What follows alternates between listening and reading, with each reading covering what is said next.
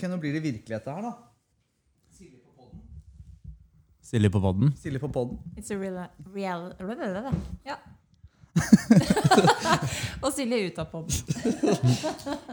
Reality, skulle jeg si. Jeg har liksom slutta å sitte sånn fremoverlent. Ja. Okay. Før så gjorde jeg det alltid. Vi har blitt litt mer sånn bakoverlent pod. da. Faen, skjønner ikke hvorfor, Hva er det problemet med den ledningen? Skjønner du at den kom borti? Ja, men du må ha den på andre øret. da. Snu headsetet ditt. 哦。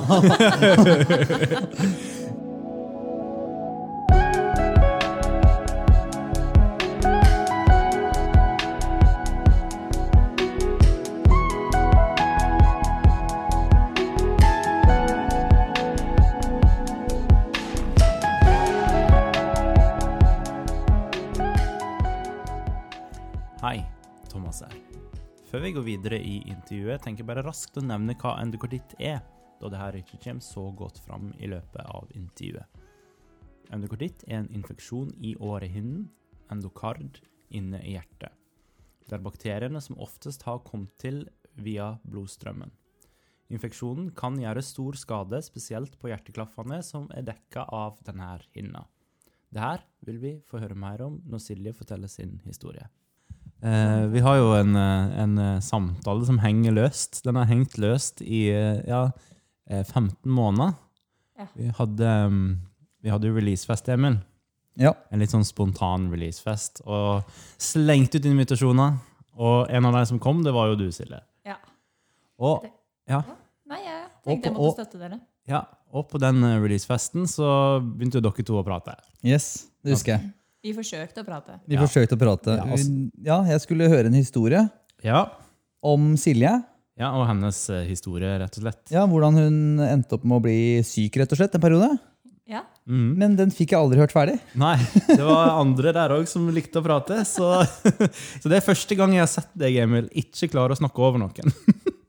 Ja, fordi det som skjedde var jo at jeg og Silje vi satt liksom litt på hver vår side av bordet. Eller i hvert fall sånn, det var noen mellom oss. Ja, Og det var en person mellom oss som var hakket hvassere enn oss til å snakke. det var det. Og hver gang Silje skulle liksom fortelle videre, så ble hun avbrutt. Ja. Og så var vi jo vi var på fest, vi, vi, vi drakk jo alkohol, og liksom fokuset var jo, ble jo svakere og svakere. på en måte. Og til slutt så bevega vi oss bort fra bordet. ja. Eller det var egentlig sånn at bordet ble tatt fra oss. Ja, For det ble dansegulv. Ja, stemmer. og da var historien eh, Eller da var det ikke mulighet til å fortelle den ferdig. Nei. Da ble det veldig høy musikk, og ja, Ja. folk ble fulle. Og så har den Kanskje. samtalen Kanskje, kanskje litt. Bitte litt. Nei. Så denne samtalen har jo på en måte aldri blitt fullført. Så vi kan, jeg tenkte jo, dere to er jo de mest skravlesjuke folka jeg kjenner. Bortsett fra tredjemannen som skravla over dere på releasefesten. Så jeg vet at jeg kommer ikke til å komme til orde i denne episoden. Så derfor legger jeg liksom premissene nå. Ok. Så tenker jeg at du, Silje? Ja. er Ikke premissene, da, men ja, forløperen til episoden. Så tenker jeg Du, Silje, hvem er du? Jeg er eh, Silje. Bra svar. Ja, jeg er jo dama di, da. Hørte Ja. noen rykter om på Ja. forrige episode. Dama til Thomas. Dama til Thomas. Dama til Thomas. Ja. Vi har uh, hatt det programmet gående et år nå. Dama til Thomas. Ja. Ja. Hvordan har det gått, syns du? Ja, så det har hatt sine opp- og nedturer. Bokstavelig talt. Ja, du tenker Lofoten? Vi gikk opp på fjellet og sånn? Ja, det, det var det fysiske. Nei, det, Nei da, jeg syns det egentlig har gått ganske bra. jeg. det er bra.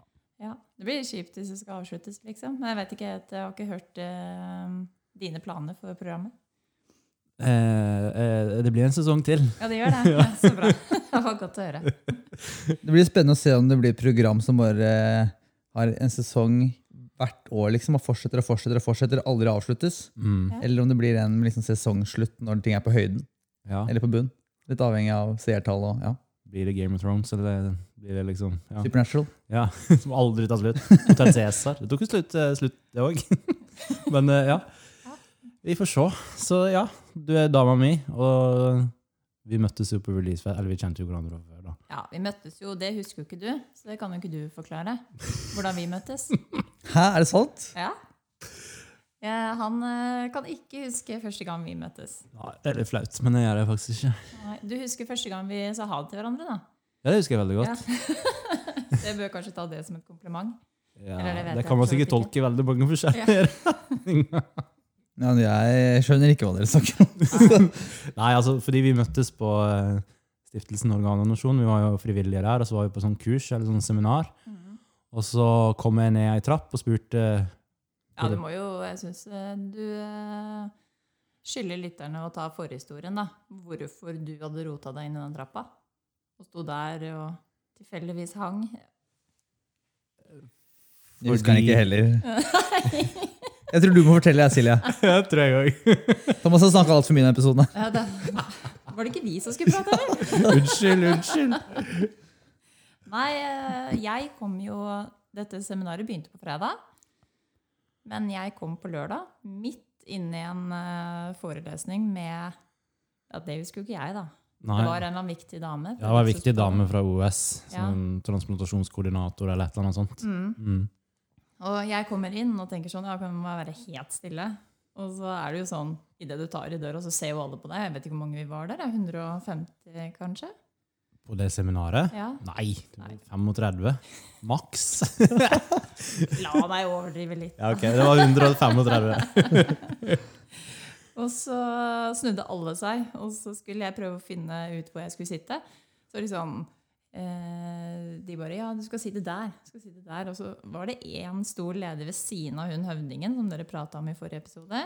Ja. Og så tenkte jeg, skal jeg sitte her? Ok, Og så begynner jeg å dra ut stolen. Så bare, nei, nei, nei, der, litt lenger bort der. Og så nå tenkte jeg, nå har alle sett på meg altfor lenge. Og hun damen fra Rikshospitalet hun sto så hardt på meg og var eh, stresset. Men i hvert fall så satte jeg meg ned, og da lyttet jeg jo meget godt etter på alt som ble sagt. Men eh, jo, vi skulle ha Farmen, så vi måtte gå og skifte. Mm. Og da fikk vi beskjed om hvor vi skulle møte opp, og når vi skulle møte og sånn. Så det var vel noen som var litt fyllesyke, har jeg hørt rykter om. Eh, ja, det kan hende. Og absolutt ikke visste hvor vi skulle møte opp. Mister eh, Skrumpelever. Ja, det var før jeg hadde det, da. jeg bare sier det. Det hadde visst vært en gøy fest den fredagen. Ja, det stemmer det. Så da sto han der og hang i trappa og håpet at det skulle komme noen andre. Som uh, Visste hvor vi skulle. visste hvor vi skulle, ja. Og det gjorde jeg. Ja. Så sånn møttes vi. Sånn møttes vi. Det var første gang, da. 2018. Ja, det begynner å bli en stund siden. Ja, Vi gjør det. Så var det jo, har vi vært på seminar sammen etter det, og så har vi vært på Arendalsuka, og så var det jo den her berømte releasefesten. Ja. Så ja, Mm. sånn kjenner vi hverandre. Men eh, vi er jo ikke her egentlig for å snakke om eh, Nei. oss to. Vi er jo her for å snakke om deg. Kjærlighetspodden. Ja. Det får bli en sånn sideprosjekt. Jeg og du. Nå blir du etablert i helserelatert. Ja, det er sant. Blir introdusert. Ja, Ja. Så kan vi liksom fortsette. Ja. ja. For du skulle jo ikke prate, du. Nei. Hei, Emil. Så Silje, hva er historien du skulle fortelle meg for et år siden? Jeg skal ikke skryte på meg at jeg husker hvor jeg avslutta. Nei, du Nei. må begynne på begynnelsen, da. Ja, og så er jeg blitt, eh, Du prater om at du har blitt gammel. Jeg har blitt gammel, så jeg har eh, skrevet noen, noen eh, punkter. Men du, Det er smart. Ha litt notater, rett og slett. Ja, For jeg kan jo prate om det her i fem timer. Ja. Og da blir det litt slitsomt for Thomas etterpå. Men eh, ja, jeg er jo ikke Eller jeg er jo født hjertesyk, men det visste jeg ikke før jeg var 15 år. Da skulle jeg ha tentamen på skolen. Eh, Og fikk litt sånn vondt i halsen og ble litt eh, snørrete noen, dager i forveien. Og så tenkte jeg at ja, eller egentlig så var det kanskje bare en grunn til å kanskje slippe unna. Men det ville ikke mamma, så hun sendte meg til legen, så jeg kunne få en legeerklæring i tilfelle jeg ble dårligere. Frem til nå så har jeg jo ikke hatt noen sykdom. Spilte håndball, spilte for tre lag. Oi. Eh, Så jeg trente masse. Og var ikke noe, var ikke noe plaget med noe som helst. Eh, Og så dro jeg til legen, og han hørte en bilyd på hjertet og sendte meg til Ahus. Jeg bodde på Lørenskog da. Eh, Der fant de ut at jeg hadde en eh, som er ganske normalt, eller det er ikke helt unormalt å bli født med det. Det er mer unormalt å finne ut av det når man er 15 år, hvis man ikke har eh, vært syk. Så de var jo egentlig litt glad for at de hadde fått eh, vite det, eller fant ut av det. Og så fikk jeg beskjed om at du kan bare leve livet som du gjør. Spille håndball, gå på skolen. Gjør alt du, alt du vanligvis gjør. Du kan egentlig bare glemme det. Bortsett fra hvis du skal til eh, tannlegen. Da må du ta antibiotika først. Ja, Ikke sant? Da tenkte jeg ja, ja. Gikk, eh, gikk ut, eh, fortsatte å leve livet som før. Spilte fortsatt håndball og begynte å dømme håndball i tillegg etter hvert. Og eh, så ble jeg 19 år og skulle på min første jentetur til eh, Syden. Jeg og to venninner. Og i den forbindelse skulle jeg ta piercing i navlen. Det var veldig kult da. I, når blir det? 2019 blir det vel? Det var en periode. Nei, Nei, 2009. OK! Silje har funnet seg, nei, Thomas har funnet seg ganske ung eh, kjæreste.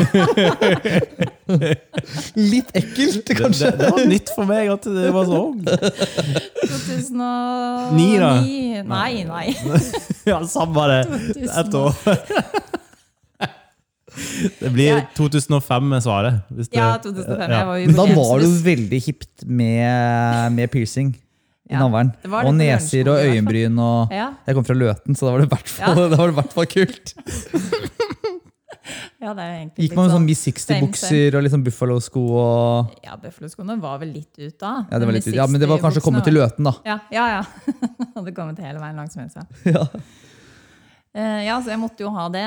De andre skulle også ta det. Og det var liksom Akkurat som man har like T-skjorter nå, så hadde vi da like piercinger. Den, den glemte jeg, eller gadd ikke, heter det vel, å rense. Skal jo egentlig renses og ordnes og styres med veldig mye. Jeg dro til Syden og glemte den. Eh, Det lønte seg ikke. Da jeg kom hjem, så begynte jeg å jobbe i en barnehage eh, på høsten. Det, jeg hadde fått beskjed fra mamma om at jeg kunne ta et år fri fra skolen. eh, For jeg var veldig skolelei etter videregående. Men da måtte jeg jobbe. Så det gjorde jeg. Jobbet i barnehage. Følte liksom at formen ble dårligere og dårligere. Eh, Gikk til legen, fikk veldig mye forskjellige rare diagnoser. Det var alt fra lungebetennelse til eh, gallestein til, ørebetennelse til ja. Fikk medisiner også. Det hjalp aldri. Eh, og så kom jeg til sommeren 2006, da. Da ble jeg veldig dårlig. Da var det full feber, og jeg ble sykemeldt fra jobb, og da lå jeg liksom rett ut. Sendt til legevakten, og da sa de på nytt at jeg hadde lungebetennelse. Fikk en enda hardere medisiner, eller det som da var hardt for meg. Eh, og gikk på de tre uker uten å bli noe bedre. Eh, Nå hadde jeg jo også vært på opptak på Politihøgskolen. Det var jeg 18. mai.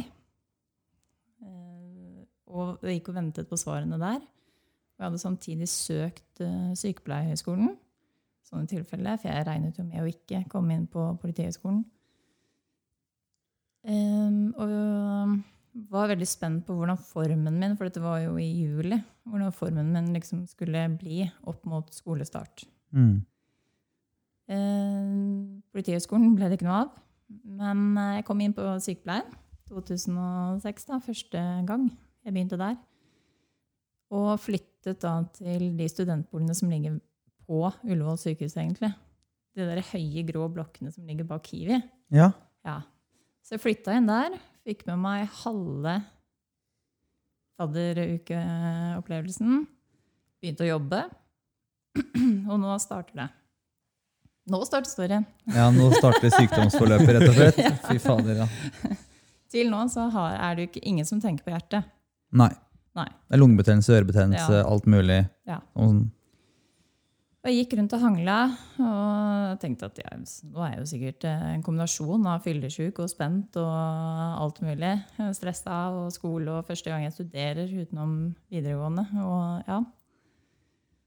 Så jeg drar opp på Jeg skulle ha tre sånne dager, sånne inn, innkjøringsdager. Sånn som i barnehagen. Eh, bli kjent! bli kjent.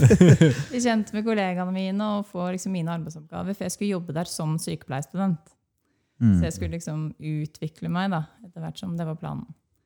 Så jeg kommer uh, opp dit. Det var et uh, eldrehjem.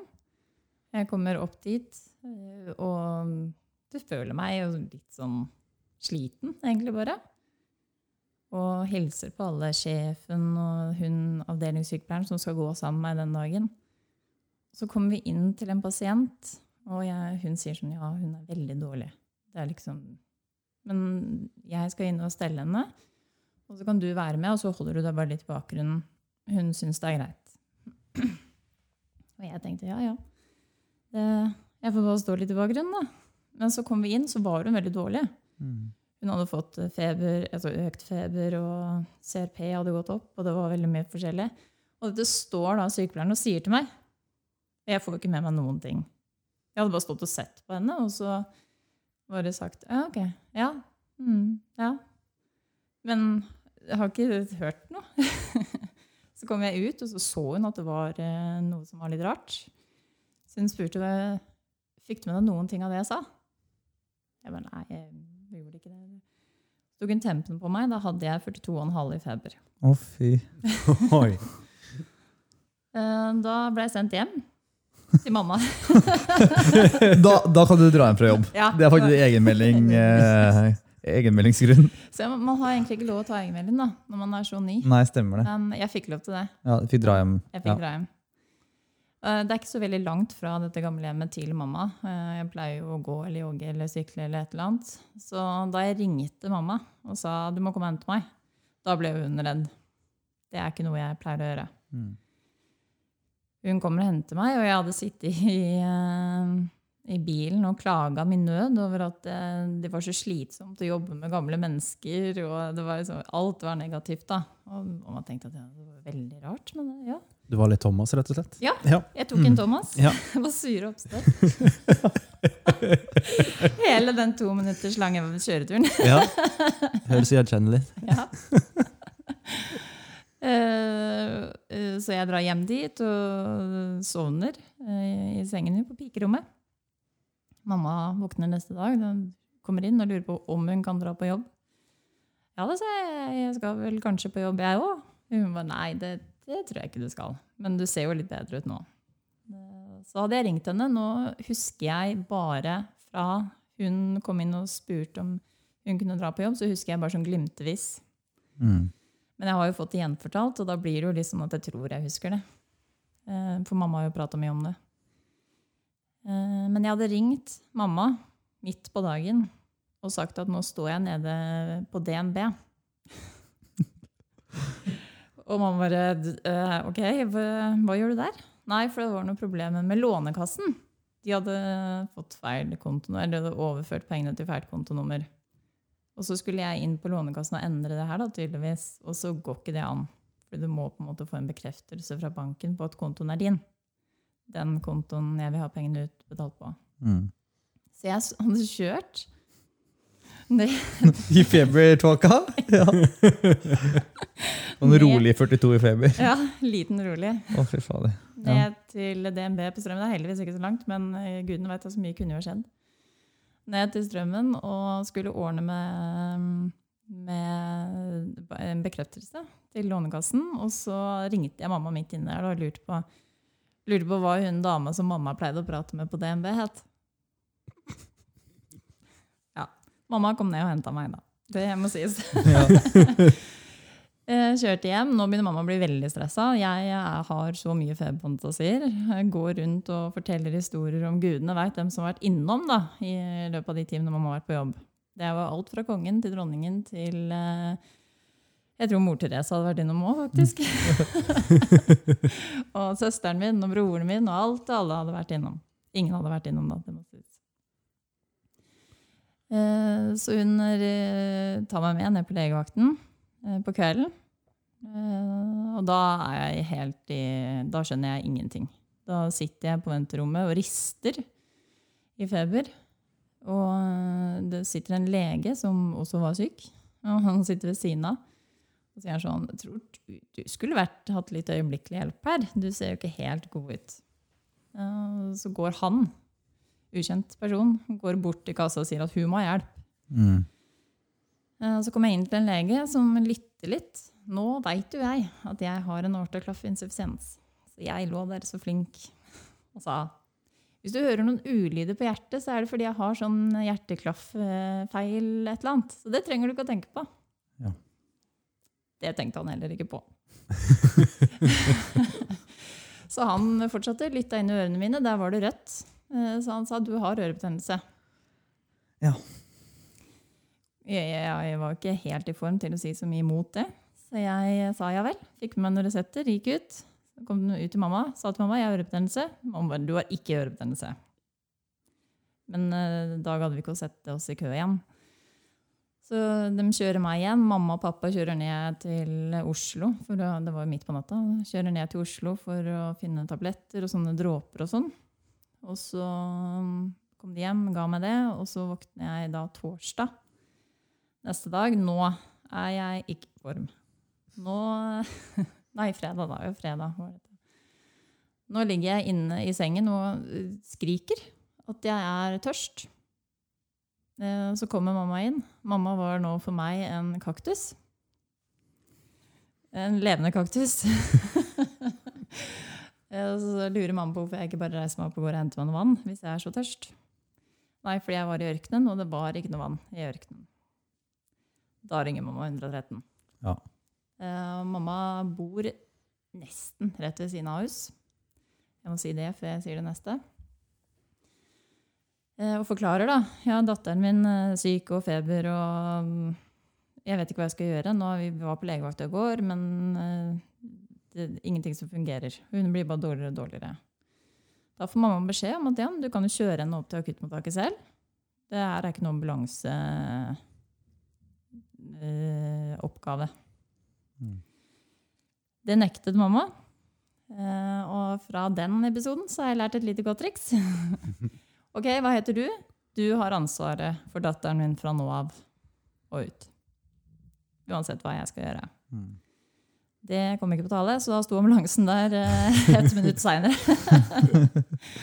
og de ambulansefolkene var jo helt De måtte jo bære meg ned. Mamma bor i andre etasje. måtte bære meg ned inn i bilen, Og de måtte ned på legevakta, de òg. Eh, noe de mente de ikke trengte, men eh, de hadde fått beskjed om det. Da får jeg vite at nå har jeg lungebetennelse.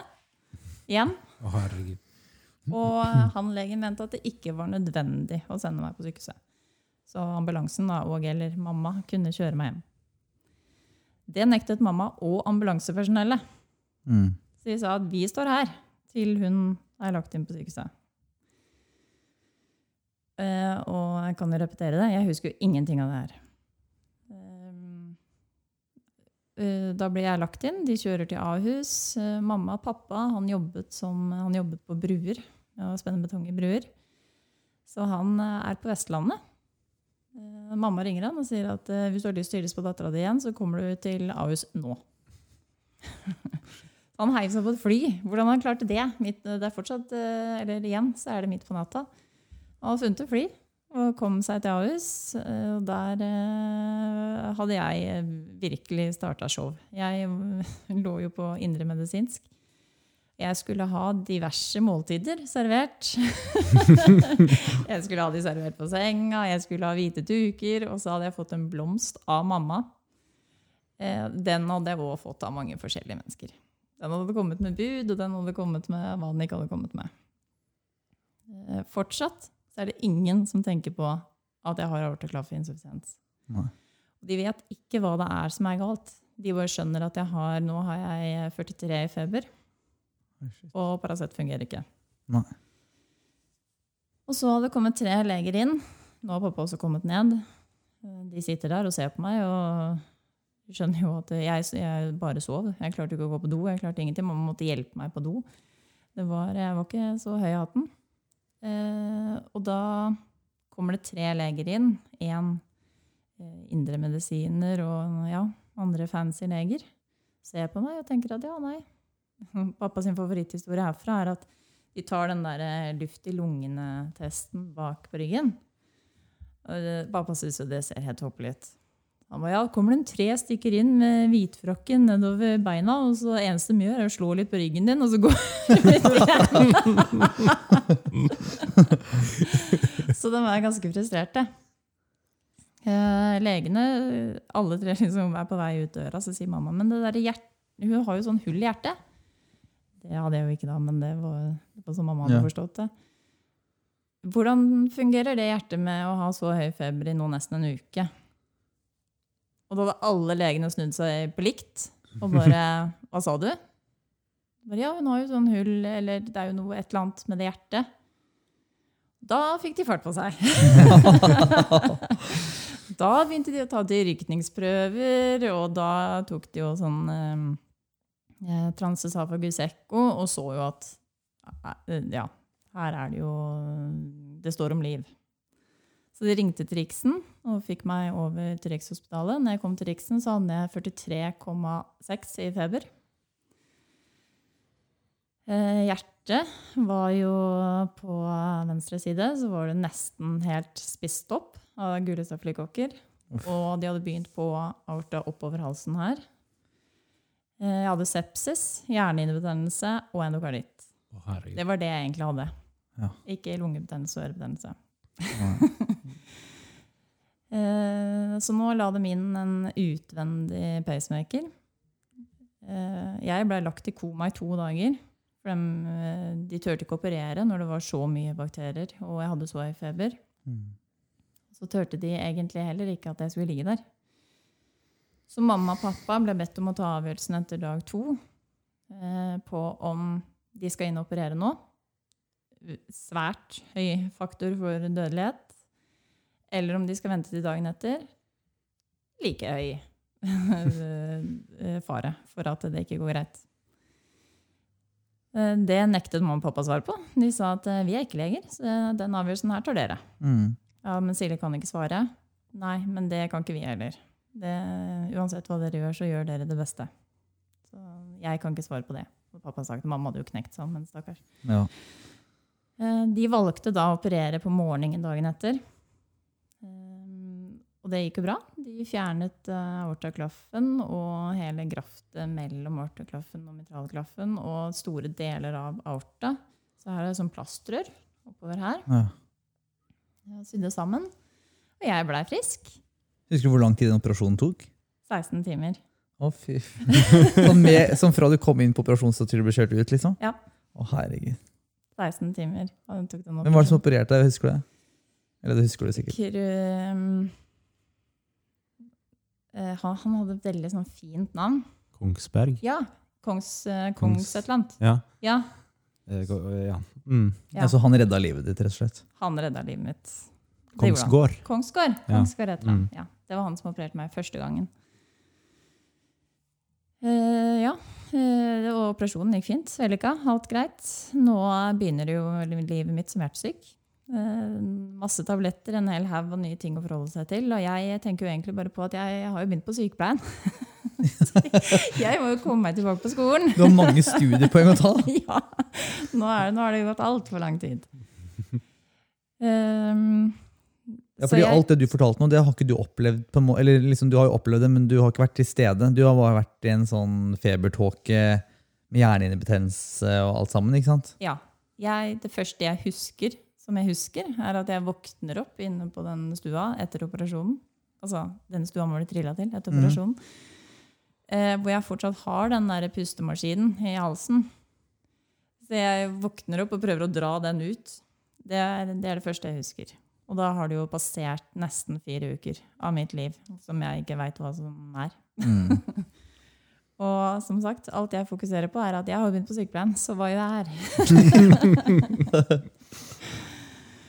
Men jeg hadde fortsatt noen uker igjen av sykehus, kan man trygt si. Eh, Ble jo da flytta over etter hvert til Ahus og lå der og begynte på sykepleien igjen.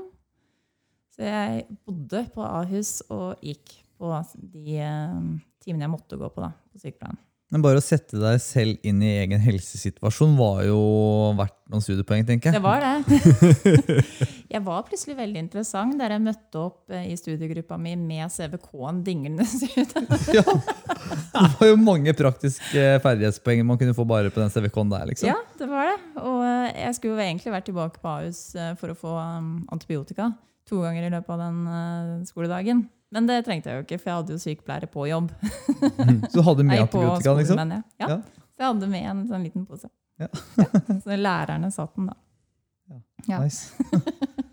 Herregud, ass. Fordi da er du da, Det var jo et par dager inn i fadderuka, så ble du sjuk, og så kommer du da tilbake fire uker etterpå, eller fem uker etterpå. Ja, det var, tok vel åtte uker, da. Åtte uker, ja. Da er du tilbake, liksom. Ja.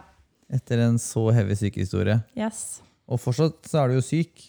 Ja, Du har fortsatt infeksjon i kroppen, eller er den den er ikke borte. ikke borte? Nei. Nei. Så det er derfor antibiotika seks ganger i døgnet. Mm. Eh, intravenøst, da. Eh, og um, Men jeg var jo så sta, så jeg skulle jo begynne på skolen. Så det var jo ikke noe, var ikke noe tvil om det. Så jeg eh, eh, ja, bodde på, på Ahus, da. Og tok bussen inn til høyskolen. Herregud. Det er sånn arbeidsetikk. Hva sier man, hva sier man på norsk? Eh, Sånn man sier work ethic på engelsk, men hva sier man på norsk? Eh, Ja, eh, Arbeidsmoral? Ja, arbeidsmoral. Arbeidsmoral, er liksom, ja. jeg føler liksom at min sånn der, unnskyldning jeg hadde når vi bodde på Bjølsen, var bare jeg ble litt seint i går med Minecraft. Den er liksom ikke gjeldende lenger. Den er ikke gjeldende. Så kommer du med buss og i CVK dinglende ut av halsen rett fra sjukehuset inn i forelesningssalen. Ja, altså, altså en sånn operasjon da, Når du blir operert 16, når du er, ligger på operasjonsstua i 16 timer, da er det ofte heavy operasjon. Det er snakk om. Det er ikke noe De operasjonene som varer to-tre timer, er heavy, de òg, liksom. Men en sånn 16 Det er jo et prosjekt, liksom. Ja. ja, det var jo et lite prosjekt. De visste jo ikke helt hva de møtte da de kom inn. Og de var jo livredde, for det var jo fullt opp med stafylokokker. Jeg vedder på, bare Se for meg at de bare spyler bare antibiotika oppi der før de lokker en. ass. De bare, Den rengjøringa, liksom. Bare, hull i posen og bare ja, bare krysser fingra. Ja. Jeg har vært med på det at man bare heller antibiotika oppi. Liksom, ja, fordi man, man må bare gjøre det. ikke sant? Ja. Fordi det kommer jo ikke til nødvendigvis intravenøst så godt. ikke sant? Nei, man gjør ikke det. De hadde jo skåret bort mye, men de kunne jo ikke skjære bort alt. Nei.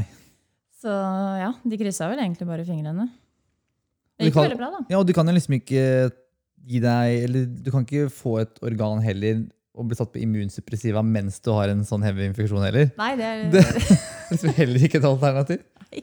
Shit, altså. Så da er du litt tilbake dårlig på, utgangspunkt. så du er tilbake på skolen. CVK-en din uh, henger utafor skjorta, liksom. Ja, Du er interessant. Eh, klarer du å fokusere? Enda mer interessant. Enda mer interessant. Klar, klar, klarer du å fokusere på skoleoppgaven i det hele tatt?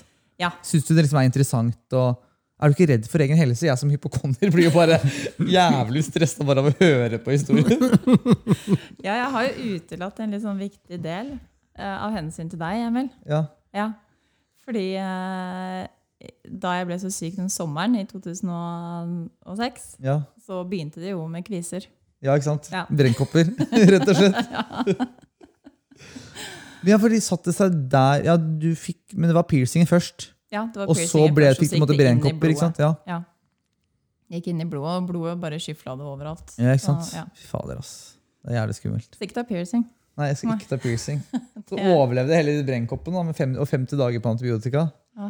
Men hadde, jeg, hadde jeg hatt en aortainsufficiens, så hadde det sikkert satt seg der. ikke sant? ja, det er det det hadde gjort. Ja, Det var det skjedde Det er det meg. som er sykt skummelt. Mm. Jeg, apropos det med tannlege, jeg har jo hatt sånn, jeg gikk jo et år med sånn, det var jo på sykepleieren. Jeg hadde helt sykt dårlig ånde, hadde sånn veldig betente visdomstenner. Så hver morgen så bare skviste jeg ut masse puss. ikke sant? Jeg tenkte liksom at ja, det er normalt, liksom. Men hadde jeg hatt noe aortaproblemer da òg, så hadde jeg sikkert det også satt seg. på å si det sånn. Det er jo ganske direkte connection ned til hjertet. Ja, Da fikk jeg lipsmack. Det må jeg bare beklage, Thomas. Det går veldig bra. Hva, Lipsmack? Et eller annet sånt gjorde Ja. jeg. Jeg hørte ikke. Nei, det går helt fint, Silje. Ja. Men ja, over til deg. Ja, Du klarte å fokusere nei, vi på skolen. fortsette med deg. Nei, du klarte å fokusere på skolen. Går du i forsvarsposisjon, eller? Nei, men jeg syns det bare er vanvittig fascinerende at man klarer å være så lite ego, på en måte. Skjønner du hva jeg mener? Ja. Sånn, Jeg hadde jo bare tenkt nå er det jeg som er i fokus. Jeg skal ikke bry meg om noe annet. Nei. skal jeg overleve, typ. Jeg hadde jo overlevd. Det er jo mitt uh... Du hadde våkna og bare ja, ja. Hadde overlevd. Jeg var jo ekstremt takknemlig overfor Rikshospitalet og Ahus, som hadde reddet livet mitt. Så Men jeg skjønte var jo bare glad. Men skjønte hvor alvorlig det var? liksom? Jeg gjorde nok ikke det. Jeg eh, var jo i avisen og på Dagsrevyen. Ehm, og da, da satt jeg og prata om det som om det var eh, Ja, jeg fikk du gule flykokker inn på hjertet. Og etter at dette da ble sluppet i avisen, og overlegen på Ahus hadde lest det, så kom han inn og hadde en liten sånn Du vet hvor dårlig du har vært. Ja. ja. Så jeg, det, jeg, var nok ikke, jeg var ikke moden nok. Og så tror jeg det at jeg ikke fikk det med meg, alt som skjedde, gjorde nok bare at ja, men jeg hadde jo bare litt eh, Jeg var jo bare litt slapp på jobb. Og så Du gikk fra liksom at mora di var en kaktus på soverommet, til Ja, du hadde gått ja. gjennom den, den operasjonen ja uten å få, egentlig få det med deg. mm. Mm. Så alt det her med at eh, livet mitt eh, hang i en eh, veldig tynn tråd, det vet jo ikke jeg noen ting om. Altså, det har jo ikke festa seg på noen som helst måte. Så at de fant ut at det var hjerte, og de har klart å operere, og jeg kunne gå på to bein, da var jeg bare lykkelig. Ja, altså ikke minst at du, at du liksom at hodet ditt også er frisk. da. Ja. Det, en ting er jo å overleve, men en ting er jo å overleve liksom med hodet i behold, og at du kan gå på beina dine, som du sier. og Ja. Du kunne jo på en måte ha overlevd den sittet i rullestol og vært nærmest grønnsak òg, ikke sant? Absolutt. Det at hodet mitt er helt fint i behold, det skal ikke jeg si. Altså, men, men ja. Nei, men det, det, det virker sånn, i hvert fall. Nei, det er utrolig, altså. Ja, det er veldig tøft. Ok, men Fortsett historien. da. Nå går du på skolen, og du går Ja. på antibiotika. Ja. Og, og du har CVK ut av halsen. ja. CV. CVK ut av halsen. Og eh, antibiotika. Og har jo veldig kule folk jeg går på skole med. Da. De er jo kjempesnille. De driver og sender meg eh, oppgaver. Og det var heldigvis en del gruppeoppgaver som de gjorde. Det var bare, ja, Vi skriver at du, du skal få lese gjennom etterpå. Ikke tenk på det. og så skulle jeg til Feiringklinikken. Jeg skulle, måtte jo på opptrening. Det merka jeg jo. Kroppen hadde jo forfalt ekstremt fra å være toppidrettsutøver til å ikke trene noen ting og nærmest eh, ja, være så nærme døden man kanskje kommer. Eh, Det tar litt på, muskulatur og alt mulig. Så jeg måtte trenes opp igjen. Og da fikk jeg plass på feiring de to siste ukene før jul, og så de to første ukene etter jul da, samme år. Eh, og det gikk jo også veldig bra. Når du kommer, Dette har vel Thomas egentlig pratet en del om, men det er sånn du, du lø, løper inn, skulle jeg til å si, har sånn test, og en O2-opptakstest og sånn når du kommer til feiring, og så har du det samme ut. Som du skal se liksom, hvor mye bedre kondisjon og sånn har blitt. Eh, jeg løp inn eh, og var der eh, de to ukene før jul og kom hjem på juleferie og kom opp igjen etter jul. Og når jeg skulle ha den løpe ut-testen, så ble han legen litt bleik. For kondisjonen min den hadde rast rett ned. Eh, Jeg kunne ikke Jeg følte meg helt fin, jeg. Jeg trodde jeg hadde fått veldig mye bedre kondisjon. Jeg hadde vært ute og gått. Jeg fikk sånne gåstaver av pappa i julegave den, den julen. Jeg hadde vært ute og gått masse og følte meg helt fin. Eh, mens legen på feiring ringte Riksen og bare Dere må Det er noe galt. Ble sendt rett til Riksen. Det som hadde skjedd da, var at hjerteklaffen som de da satte inn i september, den hadde løsna. Ja. Så det var, var ikke, jeg var jo ikke syk, da. Men jeg hadde ikke fått noen nye stafylokokker, for jeg hadde jo ikke slutta på antibiotika ennå. Men eh, hjerteklaffen var løs. Så den hang bare fast på den ene sida. Dette vet du mer om hvordan ser ut enn meg, kanskje. Men eh, det var sånn jeg fikk det forklart. da. Ja. At det, det vevet som de hadde sydd den fast i, hadde liksom råtna. Eller, ja. Uff, shit. Eh, Så da var det rett på operasjonsbordet igjen. 23. januar 2007. Nå måtte de virkelig til verks. Nå er det dr. Birkeland, som dere jo også har pratet en del om. Ja, så Ja. operert uh, min Operert medhost Ja. host her. Ja. Host, faktisk. Medhost. Medvert. Og din eh, ekskollega, Emil? Ja. Ja, Ja. Ekskollega og din tidligere operatør, ja. Han, ja, vi skylder, du, du og Silje skylder jo han mye, jeg skylder han ingenting. Det er sant. Ja, Jeg ser for meg at det er litt mye humor inn på operasjonsstua hans. Nei. Men uh, vi må ikke snakke om det her. Men, men, uh, men ja, han måtte til verks, da. Mm, da var han uh, på ballen. Og måtte, måtte de kutte og skjære enda mer, så da tok de vekk sinusknuten. Som jo er den knuten som gir sånne elektrosignaler til hjertet, så hjertet slår. Ja. Eller tok i hvert fall veldig store deler av den. Så nå våknet jeg opp med en pacemaker på utsiden av kroppen. De hadde et håp om at hjertet skulle bygge seg opp igjen, og at jeg slapp å få pacemaker. Men etter en uke hvor de hadde vært inne veldig ofte og skrudd den av og på og satt den ned og sånn for å se, så reagerte ikke hjertet i det hele tatt. Så da, nå fikk jeg pacemaker 28. januar. Eh, Så kom pacemakeren inn. Og da levde jo godt med det. Da var det en ny runde på Ahus med antibiotika og sånn. Nå har jeg fått permisjon fra skolen, da. Nå Det ble litt mye, egentlig. det ble litt mye. Ja. Og du fullførte første halve studieåret, eller den Første første, semesteret? Ja, så Ja. da har du fullført første semester, da. Fordi da, Ja. var du, da dro du til feiring etter semesterslutt. Mm. Mm. Og så måtte du ta permisjon ja, etter jul. Ja. Ja, skjønner. Da syns legene på Riksen at Volt. At jeg var student og syk samtidig. Ja. Liksom, det, det tar jo litt tid å bli vant til en pacemaker, eller ikke gjelder å være i praksis samtidig. Kanskje, kanskje det er jeg som egentlig skulle vært pasienten. Ja, egentlig. Ja, det hadde vært litt uh, tungt, tror jeg. Å være første, min første praksis i hvert fall, var jo på eldrehjem. Mm. Jeg tror det hadde vært litt tøft med pacemaker. Helt ny pacemaker. Mm. Ja, så er det jo sånn når du blir operert sånn, altså, er det ikke, det er ikke sånn at du liksom det er ikke som når du opererer en skulder at du drar hjem samme dag. Typ. Du ligger Nei. jo på intensiven etterpå en stund, og det er jo et opplegg, og så på sengeposten, og du får jo veldig mye oppfølging, som du sier. Mm. Man gjør det. Sjekke pacemaker, så det er ikke sånn for deg at du bare kunne stikke rett tilbake på skolebenken. liksom. Nei, det må jo stilles inn og stilles opp og stilles ned. Og, ja. Mm.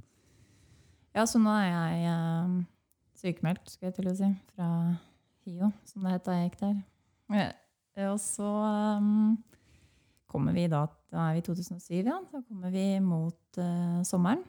Da skal jeg og mamma på tur til uh, Syden. Den første sånn deilige ferien etter disse to operasjonene. Men så begynner mamma å få den der mammafølelsen. Det er et eller annet gærent. Så hun sier at jeg vil veldig gjerne at du drar til Riksen og tar en kontroll før vi reiser. Jeg tror vi skulle til Kypros. Så hun syntes det var litt skummelt å reise dit med meg. Jeg drar til Riksen og får kontroll, og da er det bare rett inn på sengeposten igjen, gitt. Mm. Nå er jeg jo helt frisk, så dette kommer som et sjokk. Eh, Og må gjennom en ny operasjon. Det som er skummelt nå, er at eh, det er ikke utslag på noen prøver. CRP-en min var på tre.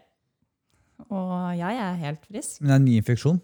Men når de ser på ekko, så er det en stor sånn drueklase som henger ned fra klaffen på nytt. Å, oh, fyff. Jævlig ekkelt. ja. Ja, Og ekko, da, det er jo en slags ultralydundersøkelse. da. Ja. Vi må si det. Ja. Hvis det er noen som lurer på det. Nå har vi sagt allerede Nå er vi vel en time inn, eller noe sånt, men Vi må vel egentlig begynne å avslutte. Ja, Det var hyggelig å ha deg her, Silje. Cliffhanger. Og der slutter det. Med drueklasen. Vil hun overleve? Ja. Følg med neste uke. Overlever det. Nei, ok, shit. ok, Nå har du en drueklasse, og det er ikke hemoroider. Det er ikke hemoroider. Nei. Det er veldig viktig. Det ser jo litt ut som det, Ja. faktisk. Ja. Ja.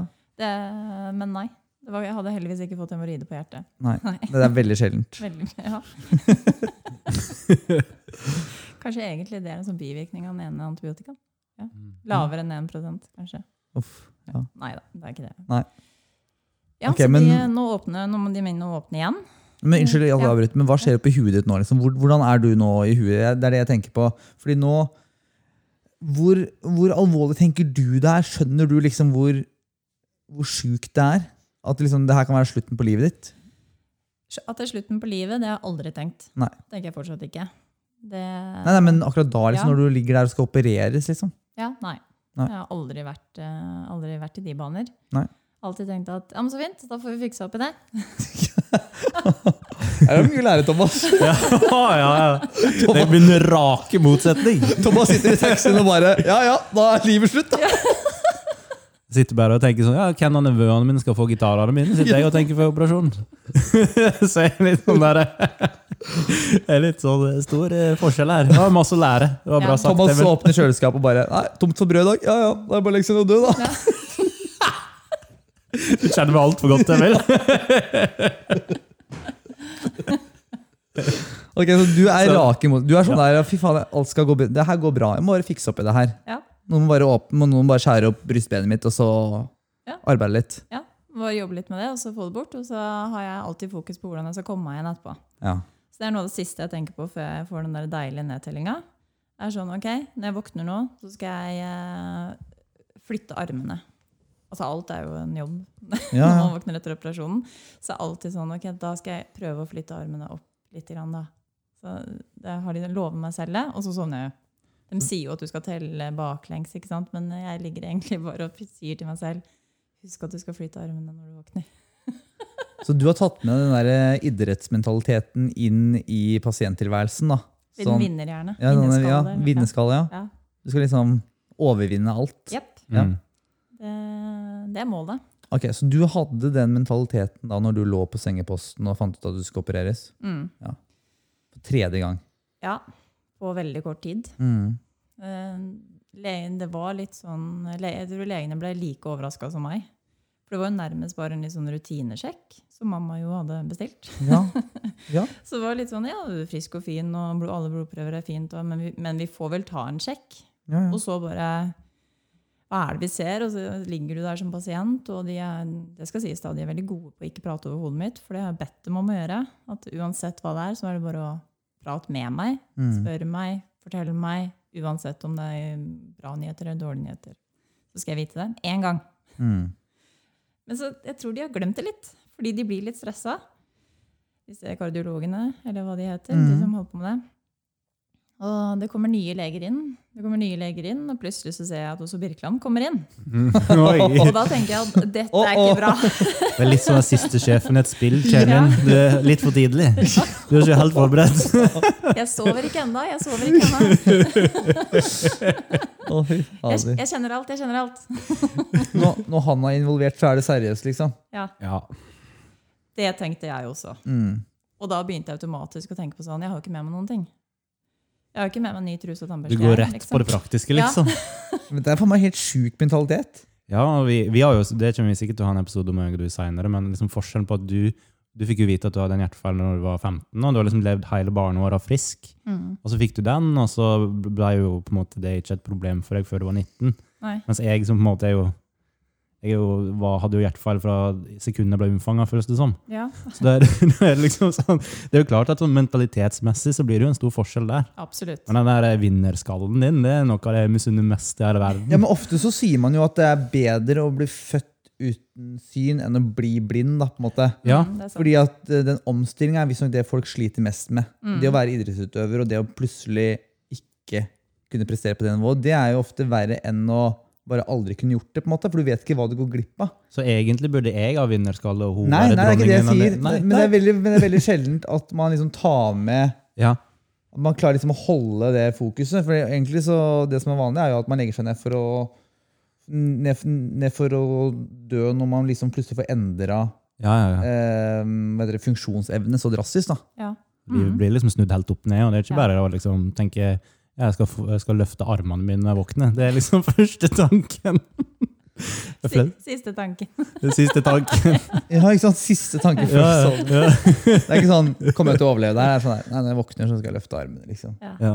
Da, hvis jeg kan det, så vet jeg at eh, det er, eh, som du sa i stad, Emil, det er hodet på plass. Ja, ikke sant? Da er det mye som, som skjer Ja. idet du skal løfte armene. Ja, Mm. Så tenker jeg ok, greit, det er ikke nervesystemet ødelagt. ja, ikke sant? Det gjør vondt, det går fint, men jeg klarer det. Ja, det, er, det er veldig Ja, det er- fascinerende. det er altså. sinnssykt. Det er veldig fascinerende. Mm. Det er dritkult. Jeg får mye skryt av kirurgene på Riksen òg, Ja, det vil jeg for tro. at jeg har så kommer meg liksom opp hver gang.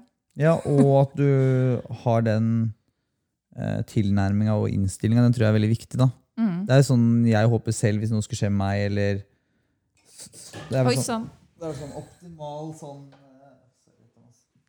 Nå velta jeg vørterølen her.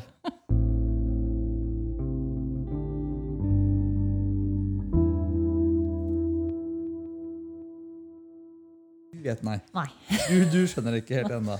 Kanskje, kanskje jeg skjønner det litt, men Ja, fordi nå, eh, nå kommuniserer de over hodet ditt. Eh, ja, nå er det litt sånn eh, Jeg sitter og ser på han eh, som har tatt ultralyden, og så begynner han å få sånn eh, rynke mellom her. Og da vet jeg at det er noe gærent. Ja. Det er litt sånn alle pasienter sier, sikkert. Når de liksom strammer øynene sånn. Jeg myser på skjermen og bare Mm. ser det jeg ser. Og så når de tar eh, Det har sikkert du også merket, Thomas. Når mm. de tar ekko, hvis de ser et eller annet eller lurer på noe, så klemmer de veldig hardt. Ja. Det er liksom sånn at de bare Det virker som at de skal bare få den gjennom ribbeinet. Ja. det gjorde den. Så da tenkte jeg at eh, nei, det, det, det ser ikke så veldig lovende ut når Birkeland står bakerst blant alle de andre som kom inn her nå. Og så begynner de å prate litt sånn Ja, hva tenker du, hva tenker du, hva tenker du? hva tenker du, Og fram og tilbake. Og jeg ligger der og tenker at nå må dere snart prate med meg. Eh, Og så snur de seg så bare Ja, hva tenker du om det da, Silje? Jeg bare Hva jeg tenker om hva da? Å ja. Eh, føler du deg dårlig? eh, nei. Er du fastende? Nei, dette var langt utpå dagen. Nei, jeg er ikke fastende. Vi tenkte kanskje vi skulle ha det her til i morgen, vi. Bare sånn for sikkerhets skyld. og så sa jeg ja, men eh, jeg og mamma skal jo egentlig til Syden til uka. Så en liten tur til Kypros. Drikke litt paraplydrinker. Ja. Slapp av litt. Ta en liten piercing. Ja. og før den hadde jeg tenkt å ta en piercing. Og, ja. og de sier nei. Ja, jeg har jo spurt eh, Ikke det at det, er så negativt, det, men jeg har jo spurt veldig mange ganger eh, legene på Riksen etter et papir på et eller annet. Seg på at jeg er der? seg på? De er veldig dårlige på å skrive ut, de. Ja. De kan ikke skrive. Legene på Riksen kan ikke skrive. Noen ganger får man det fra assistent, eh, assistenten, eller ja, jeg vet ikke hvem som har skrevet det. Men den gangen Det har aldri gått så raskt før. Jeg hadde en sånn lapp i hånda. 'Silje kan ikke dra til Syden'. På to sekunder. Og bare sånn, nei, bare gi den her til moren din, du, så du skal være her. Så jeg herregud, hvordan ringer jeg til mamma og sier det? Eh, heldigvis var det pappa som hadde kjørt meg inn. Og han begynner jo å skjønne at det er noe gærent, for dette begynner jo å ta lang tid. Mm. Så han går opp på avdelingen og spør, og sier at ja, Silje, ja. Ja, hun er inne på det rommet der. Så kommer pappa inn, og så bare Ligger du i senga? Så du var inne på kontroll. Du kan vel ikke ligge her? og så var det eh, Nei, jeg, eh, jeg har fått endokarditt på nytt. Jeg må opereres i morgen. Og pappa bare Å, herregud, hva sier vi til mamma nå? Det, det var vår begges. så sa jeg det blir faktisk din oppgave. Hvordan skal vi ta vare på mor oppi alt det her? Ja. Ja. Å, fy faen. Så hun tok, hun tok sydenturen fint, da. Men uh, hun syntes selvfølgelig det var trist. Hun dro ikke til Syden alene. Hun gjorde ikke det. Nei. Så da, nå var det jo legeteamet eh, Jeg har det jo med å kalle det mitt team. Det er jo alltid de samme folka. Så legeteamet mitt, de var veldig rolige. Veldig avbalanserte og tenkte at vi skal bare inn og kutte, kutte egentlig av den her drueklassen. Fordi at det er jo ikke noe ut, utslag på noen prøver eller noen ting, så du er jo ikke syk. Eh, mest sannsynlig så er dette her noe Vi vet ikke. Det er bare sånn isolert lokal absess, liksom. Ja, Ja, det var litt Sånn det de, ja, det var litt det de trodde, tror jeg. Mm. Eh, Så dette er sånn operasjonen tar et par timer. Ja. Dette, dette går fort, Mm. sa de. Det sa de òg til mamma og pappa. Noe alvorlig, men, men rutinemessig hermetegn, liksom. Ja, Det er Det er- litt alvorlig siden det er så kort tid siden forrige operasjon. Nå var det jo, Dette var i juli, eh, så nå var det jo bare ja, fem-seks måneder da, siden forrige operasjon. Mm. Og før der så var det jo bare tre måneder siden første operasjon. Eh, Så det var det som var mest alvorlig. At eh, eh, brystbeina hadde jo ikke grodd ordentlig, så det var litt sånn Gå inn der nå, men du er jo frisk, så det går fint. Mm. Mamma og pappa får beskjed om at ja, operasjonen tar maks tre timer. Et par timer regner vi med. Så dere kan bare egentlig tusle dere en tur opp til Sognsvann, så er vi ferdige når dere kommer tilbake. Mm. Etter 13 timer begynner mamma å bli stressa. Forståelig Og du det er da inne på Thorax operasjon, inne på operasjonssida. Å, fy faen. Nå vil ikke mamma vente mer. Hun har gått fram og tilbake og fått nummeret til denne stakkars intensivsykepleieren som også sitter og venter på meg.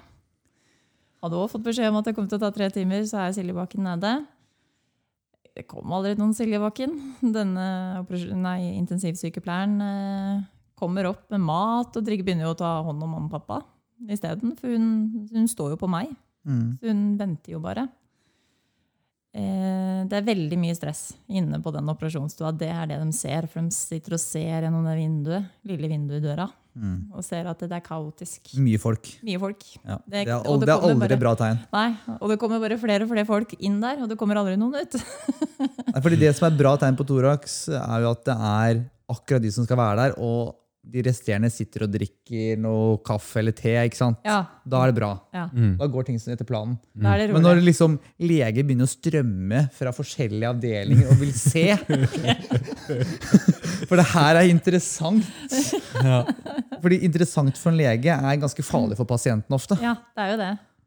Det har vi vel merka, Thomas. ja, det har vi merka ganske Ja. greit. Interessant, det er ikke et bra ord. Nei. For det, betyr også, det er også synonymt med sjelden. Ja, Mm. Som også betyr Dette har vi aldri sett før, og kanskje ikke gjort før.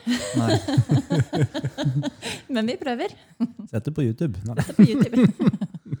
Nei, så det, det er ikke noe bra. Så da er hun intensivsykepleieren liksom, hun lurer seg bort på thoraxoperasjonen, ser litt gjennom vinduene på operasjonsstua, for det er jo sånne små vinduer der. Ja, tydeligvis. hun Det vet ikke stikker og ser uh, opp gjennom vinduene, ja. Ja, For å se litt om jeg begynner å bli klar. Og der er det mye folk. Der er det mye folk, og jeg begynner ikke å bli klar. Nei. Hjerte-lungemaskina sitter der fortsatt tilkobla. Brystkassa ja. Er åpen. Og, Uff, ja. ja. Men eh, det som skulle ta under tre timer, ble da 13 timer. Da, Ja. det var noe som skjedde da, underveis, eller? ja, når de kom inn, det de trodde da var en Hva var det du kalte det, Emil? Absess? Ja. Ja, det de trodde var en uh, helt rolig En helt rolig infeksjon på hjertet, Ja. Eh, var ikke det. Den var ikke isolert som de trodde, liksom. Det var ikke isolert. og Denne gangen så var det hvite staffelkokker. Oh, ja. og de var overalt. Så Birkeland hadde stått der og skjært og skjært og skjært og fått beskjed av sin øh, kollega, da, andre kirurgene som står der, at må, du må slutte. Liksom, du kan ikke skjære mer nå. For da så bare, Ja, men det er jo mer. Så, ja, men vi må bare pøse på med antibiotika. Mm. Og så må vi bare krysse fingra. Så her også kom det med en sånn tilitersbøtte med antibiotika. Bare helt, helt oppi.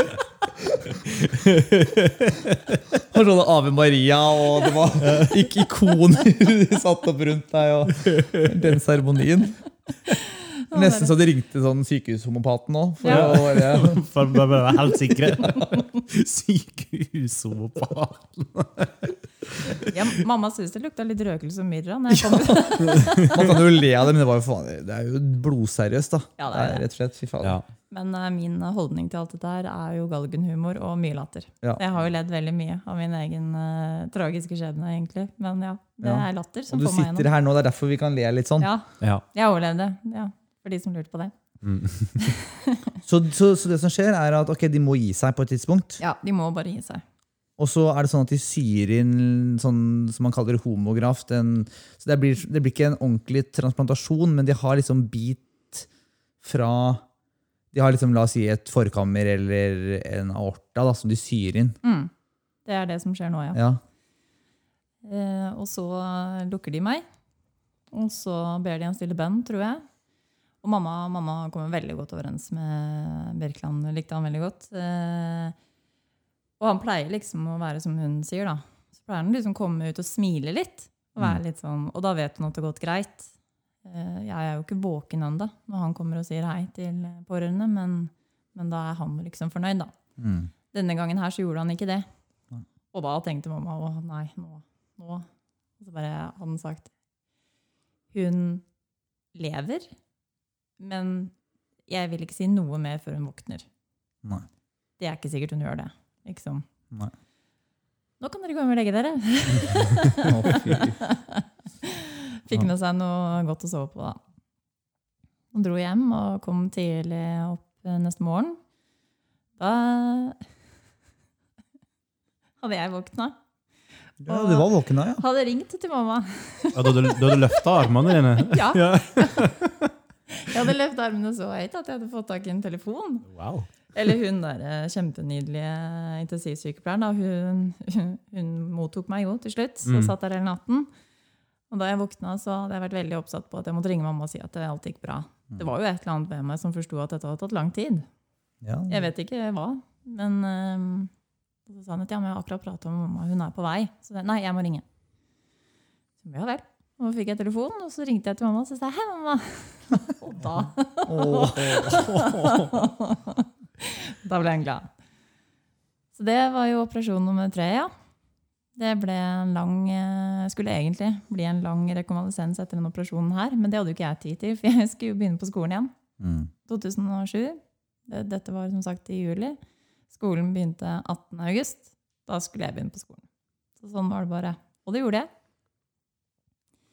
Begynte på skolen, fikk med meg litt mer den gangen her. Eh, Fikk faktisk begynt på skolen. Eh, Fikk et par dager i praksis, for da var det praksis ganske tidlig. Eh, Begynte å føle meg litt halvdårlig igjen, da, gitt. Uff. Kommer inn på Nå har jeg riktignok fått beskjed etter den operasjonen i juli at eh, vi vet ikke hvor lenge det her holder. Men vi, vi håper jo at det holder lenge. Mm. Men vi er litt usikre, for vi fikk ikke bort alt. Men ja, jeg hadde jo fått med meg en hel haug antibiotika hjem, og jeg gikk jo også til, opp til Ahus og fikk antibiotika intravenøst mens jeg var sykemeldt, før jeg begynte på skolen. Og så begynte jeg på tabletter når jeg begynte på skolen. Men så begynner jeg å føle meg litt dårlig igjen. Da er det, har vi kommet til uh, slutten av oktober. Så jeg har jeg fått meg litt skole. Begynner nå å skjønne selv at dette kanskje ikke er helt greit, men uh, nå kommer eh, fornektelsen min inn. Det er ikke noe Ja. gærent med hjertet. Nei. Det, det er det siste det er noe gærent med. Og jeg begynner, begynner å kjenne at formen er dårligere, og tenker at ja, men da har det vært dårlig med treningsilje. Nå har det vært mye alkohol og fadderuke og gøy, og lite trening. Mm. Så jeg begynner nå å trene. Ja. Hardt. Hardt. Ja. Nå, Nå skal det pumpes. nå skal det skjerpes. Løpes og løftes og Det holdt ikke så lenge. Da fikk jeg blodpropp i foten. Ja. Som jeg nektet for også det, for at det var. Da, nå kan jeg jo takke den eh, bandasjisten, som ikke heter bandasjisten, jeg husker ikke hva de heter, men sånn nede på grensen, ved siden av løpelabbet. Der er det sånn der bandasjebutikk, Ja. jeg si. Jeg gikk ned dit og skulle få meg en bra støttebandasje som jeg kunne løpe med. Siden jeg jo hadde tråkka over. Eh, Hun ser på foten min og sier du skal på legevakta. Ja. Sendte meg på legevakta, satt der. Eh, nevnte ikke med en gang at jeg hadde akkurat blitt hjerteoperert. Nei, det er ikke så farlig, liksom. Det er ikke sånn big deal. Det var jo ikke noe gærent med hjertet. Nei, Nei, nei. Jeg hadde jo vondt i foten. Det var, var jo reparert, det. Ja, hjertet Mm. var helt fint. Det. Det- Ja. Kommer inn til legen. Han har jo nå lest. Dessverre. Begynt på den lange finalen. Ja, du har jo en litt sånn historie. Eh, Ja, men jeg har vondt i foten.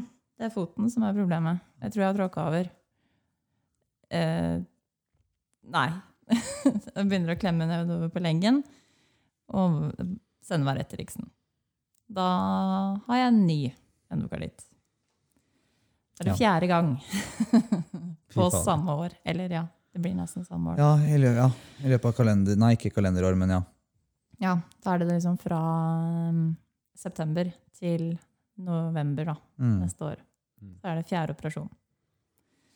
Og nå hadde de det travelt. Nå er det gule stafylokokker igjen, og CRP og alt er i taket. Så nå var det bare rett inn igjen. Og eh, min kjære kirurg var på ferie. Og hadde sagt ifra at eh, det var ingen andre som skulle røre meg. Høres det ut som han, eller? De, de, de fleste andre ville jo sagt sånn Jeg vil ikke røre huet igjen. Jeg, bare, jeg tar et år ferie nå. Hvis det kommer igjen, så er det noen andre som får operere og, og rydde opp i det her. Men nei, det her er det samvittighet. Ja. Ja, her er samvittighet. Så de andre kirurgene begynte å bli litt stressa. For det var litt sånn, ja, men hun må jo opereres. Mm. Men uh, han uh, var på Han har sagt 'ikke rør'. Ja, ikke rør. Sett henne på antibiotika. uh, Ha henne på sykehuset. Hun skal heller ikke til lokalsykehuset. Hun skal ligge på sengeposten. guds skyld ikke send henne til Ahus. Nei. Siste man skal gjøre. Det er generelt råd til alle lytterne. Hold unna Ahus. Jeg må si at jeg er veldig fornøyd med Ahus. Ja, det spiller ikke noen rolle. Eh, eh, ja, så jeg lå der og venta på han. Fikk antibiotika. Det var jo det de fikk lov til å gjøre. De var jo halvstressa, stakkars. De tok jo alle forundersøkelser og alt. Og alt beviste jo egentlig bare at han skulle vært operert i går. Men eh, han måtte komme seg hjem, og han kom seg hjem, da. Ja, Han dro tidlig hjem fra ferie. Han dro tidlig hjem fra ferie. Ja. Og, og han er jo så fin og kommer inn en søndag kveld. Mamma og pappa er der. Eh, og bare ja, men har du hørt noe? Når kommer eh, Birkeland hit? Og så sa jeg nei, jeg vet ikke, men han er på ferie. Men han er visst på vei. Jeg vet ikke. Plutselig så står han der. I sånn solbrun, eller? nei, han var ikke det. Som jeg kan huske, i hvert fall. Men det er mye som har skjedd siden da. Saltvann i håret og Ja. Hawaii-skjorta på. Hawaii-skjorta på. Litt sånn sand mellom fingra. ja. Rett fra beachen, opp i flyet. lande på, ja, lander og blir kjørt inn med drosje. ikke sant? Nei, Så da er han klar, da. Søndag Ja. kveld.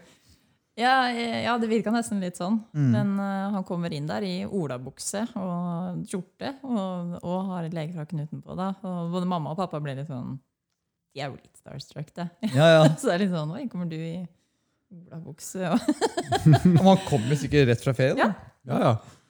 kommer inn og spør hvordan jeg har det. Jeg sa at jo, men egentlig så har jeg det ganske greit. Jeg er fortsatt ikke syk. Han bare Nei, du er jo eh, veldig syk. Ja. Men jeg merker ikke noe til det. Da. Jeg hadde jo ikke feber, i hvert fall. Eh, Dette kunne han jo egentlig ikke forstå. Det er jo helt merkelig. Har jo en pågående infeksjon en CRP, på langt opp i taket, så skal man jo bli litt sjuk. Mm. Men jeg kunne jo gå rundt og ja. Eh, Og så sier pappa litt sånn stressa da. Liksom litt sånn, ja, det, jeg skjønner at du har vært på ferie og sånn, men vi bare lurte litt på når, når liksom skjer, når opereres da? Og så var det sånn, ja, hva sier du til i morgen klokka to da, Silje? jeg har en liten operasjon jeg skal gjennomføre først, og så er det din tur. Så da fikk jeg jo min fjerde operasjon. Mm. Så det var et heftig år. Hvordan gikk den fjerde operasjonen? Den gikk veldig bra. Hva var det de gjorde da? Da fikk sånn cirka, liksom, sånn bare enkelt forklart. Eh, enkelt forklart, ja. da fikk de skåret bort eh, de gule stafylokokkene som nå hadde kommet seg fram igjen. De har jo en eh, teori om at de gule stafylokokkene alltid er i kroppen min. De kapsler seg inn, gjemmer seg et eller annet sted, og når de finner det for godt, så kommer de ut igjen. Ja. Det er det de tror. Når du liksom er stressa eller redusert eller ja. Ja, så hvis jeg hadde fått, lunge, hvis jeg hadde fått covid, da, så er det jo det de er redd for. Ja. Ikke det at jeg får covid, det tror de at det hadde gått greit. Jeg har jo gode lunger og alt sånt. Mm. Men det er det som kommer etterpå. Så hvis du da blir tilstrekkelig redusert, så er du redd for at de gule stafylokokkene skal kunne lage enda et problem for deg? Ja. Sette seg i hjertet ditt? Og hvis jeg får halsbetennelse eller sånne der ting, så er det jo rett på antibiotika og sykemeldt og slappe av. Mm. Ikke stress nå. Nei, nei. Så ja. Eh, ja, det var den operasjonen. Nå hadde jeg kommet til operasjon nummer fire. Ja. Den gikk jo veldig bra. Nå er jeg veldig frisk. Er på, nå er vi på side én. Er vi ferdig med side én nå? Én av fire sider. Det ble, det ble en uh, lang episode. Nå har vi nok, uh, nok episodemateriell for uh, resten av sesongen, tror jeg faktisk. Ja. Vi skal hoppe litt fram i tid, da, så dere kan bare slappe av. Ja. Jeg har lagt noen lapper. Ja, ja. Når må du hjem? Emil? Sånn er, det- er det søndag fremdeles? Ja. Nei, men Det er bra, Silje. Vi fortsetter. Eh, ja, dette var jo da i 2007. Eh, 2008 Ja, så er det feiring og sånn, da. Mm. På eh, våren i 2008. Ja, feiring og sånn. Feiring. Gode, Det- gamle det feiringklinikken. Gode, gamle feiring. Ja, hele, Et lite opphold. et lite opphold. Ja. Fire uker. Avslapping langs Mjøsa. Det er trivelig der, da. Det var det, Ja, da. Veldig, veldig bra. Ikke nå lenger, har jeg skjønt. Det var trivelig når det var på feiring. Ja, når feiring var feiring. Og feiring ikke var Gardermoen. Det er ikke så gøy å trene seg opp i en rundkjøring på Gardermoen. Nei, Rest jeg har in hørt peace. at det Ja, er litt rip. eh, ja. Ja. Hvil i fred. Feiring. Det er liksom når du skal testes ut fra feiring nå, så setter de det på avgangsstripa, skulle jeg til å si. Den der ja, den lange, nye hallen. Så liksom, hvis du klarer det, så er det good. Hvis du, hvis du klarer å gå til gaten som er lengst unna i de nye greiene på Gardermoen, Ja. da er det good. Uten å tråkke på disse rullebåndene. Nei, det er juks. Det er juks. juks. Nei. Ja, feiring altså. Jeg har jo vært på feiring fire ganger. Ja. Og jeg har bare vært på feiring på feiring. skulle Jeg til å si. Jeg har ikke vært på den nye Jeg har vært og besøkt dem. Men uh, besøkt noen som var der. Men jeg har jo ikke vært der som pasient. Nei. Men feiring er jo helt fantastisk. De, uh, som det var, i hvert fall. Ja, ja, så jeg synd det er nedlagt eller flytta. Og, ja. Mm, Ja, det var helt De nydelig. opererer jo ikke lenger på hjerter Nei. privat. jeg hørte det. Mm. Så ja, da var det jo feiring og vente på å begynne på skolen igjen. da. Nå er jeg jo permittert på nytt. Det ble mye permisjon. Eh, Men i 2008 så begynte jeg, og da, da klarte jeg det. Da besto jeg testen. Tre år. Mm. Og ingen sykdom, faktisk. Nei. Bachelorgraden i boks. Bachelorgraden i boks. Nå skal jeg begynne å jobbe. Du hadde meg og Emil som studenter på akuttkurset, har vi vel egentlig funnet ut? Ja, jeg hadde dere som studenter på akuttkurset. Hva jeg hadde Jeg det? Hadde Ja, for gikk jo, år- du, hun gikk jo året før oss. Ja, så du hadde oss, ja. Ja, jeg hadde Shit. dere i akuttsykepleien og hadde dere bilene ute i Ja. skolen. Oi sann. Og så passe deg nå der.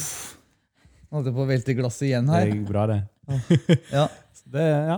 Ble du, men du ble ikke sjarmert av oss sånn småfiser? Nei, Nei. du. Jeg tror vi var litt mindre sjarmerende òg, egentlig. 87 cm lange bein. Begge Hvem to. hvem kan motstå det? Hvem kan motstå det? der.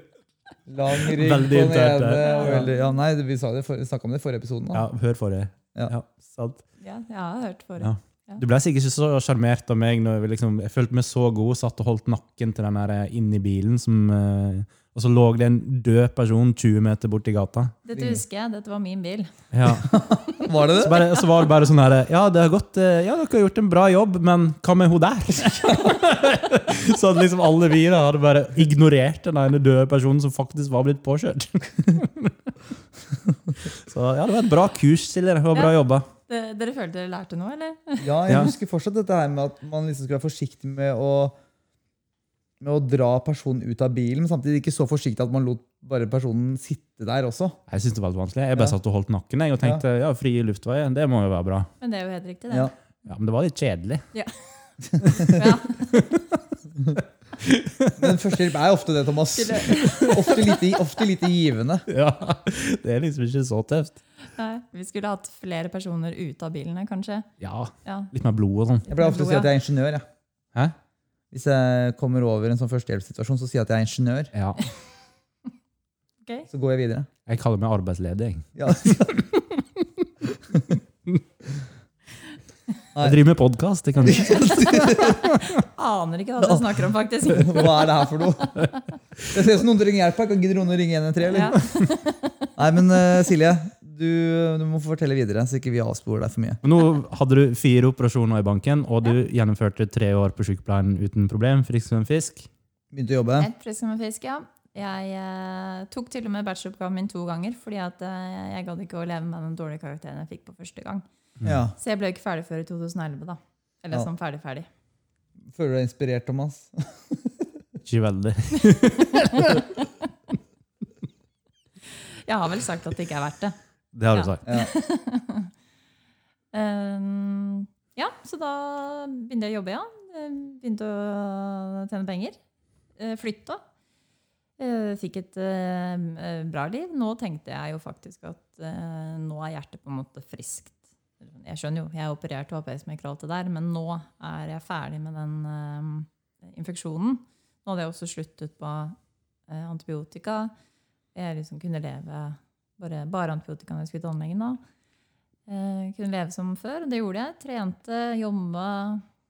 Det helt vanlige livet. Mm. Og så Ja, og så i 2012 så skulle jeg Begynte jeg å få litt sånn um, flimring, eller sånn flimring på øynene mine. Det, det likte ikke denne særlig. Jeg ble sånn svimmel og satt ut. Eh, ble sendt til eller, Nå syns jeg briller er skikkelig kult. Så jeg ble sendt til en eh, Hva heter det? Optiker. Optiker. En Optiker, ja. Og så prøvde jeg å ljuge på når jeg så kua, sånn at jeg kunne få briller. Han, Har gjennomskua deg. han? Er det, ikke bare, er det ikke bare små Ja. barn som ser figurer, og så ser voksne mennesker bokstaver? Er det ikke sånn? Jo, egentlig. Jo. Du, du fikk dyr, du! Det var det jeg sa. Sikker på at det var en optiker. Du. Homopaten eh, slår til igjen. Hjalp ikke med den blandinga. Ja, det var en optiker. Ja, og jeg skulle se en ku. Jeg, jeg har jobba med øyet, så jeg vet at voksne får bokstaver. Og barn får dyr. Men det er greit. Vi går, vi går videre. Jeg, jeg tar det som et kompliment. Ja, det var kompliment. Ja. Ja. Uh, ja, det var ikke noe galt med øynene mine da. Søren òg. Så da ble jeg sendt på um, Riksen igjen. Jeg trodde det var hjertet da. Ja. Det var det ikke. Eh, så da ble jeg sendt til nevrologen. Og da fant de ut at jeg har, hadde fått epilepsi. Ja. Etter den første operasjonen, da, hjernehinnebetennelsen, hadde jeg gått litt hardt utover Jeg hadde hatt den for lenge. Jeg har hatt så høy feber for lenge. Så jeg har fått epilepsi som en sånn slags bi, bisykdom ved siden av. Ja. Men det kunne jeg også bare leve helt fint med. Fikk jeg beskjed om. Jeg mista jo lappen da, i Ja. to år. Eh, men har fått tilbake den. Og epilepsien har det egentlig helt fint. Det er, jeg glemmer nesten at jeg har det. det er sånn, ja, hvordan går det med kepperen?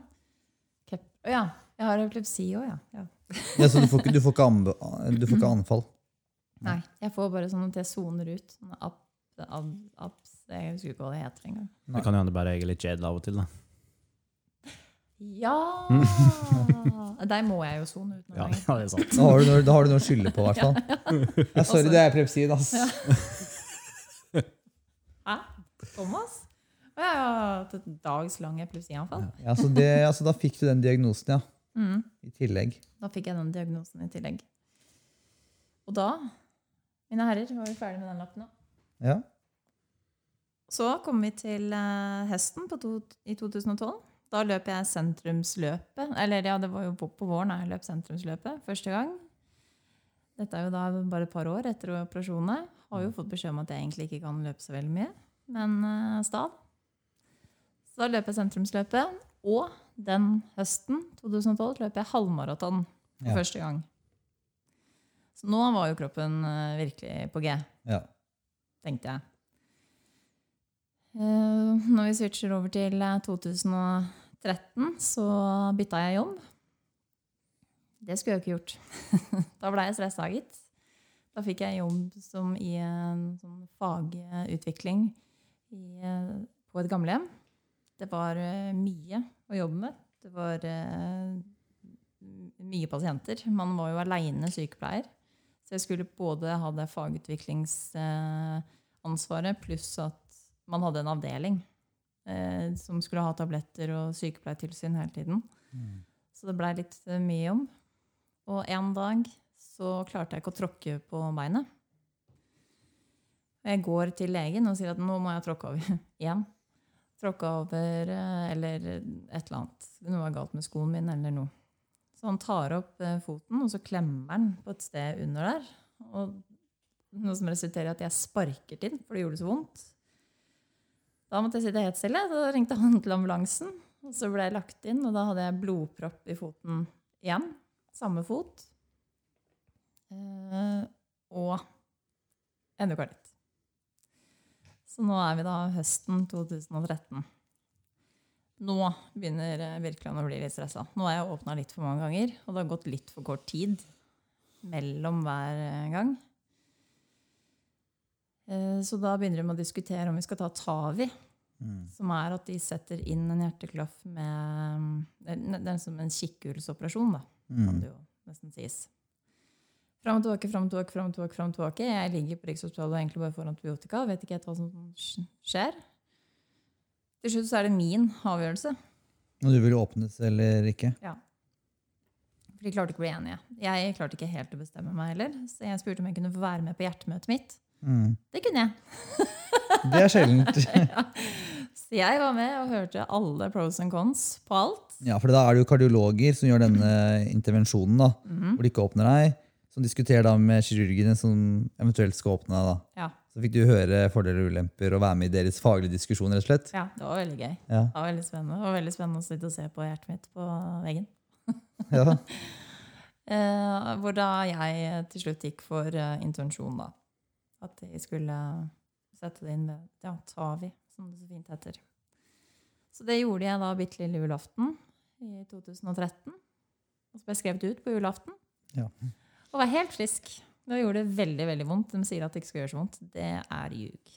Det gjør veldig vondt. Så da skifta de den aortaklaffen din på nytt. da. Ja.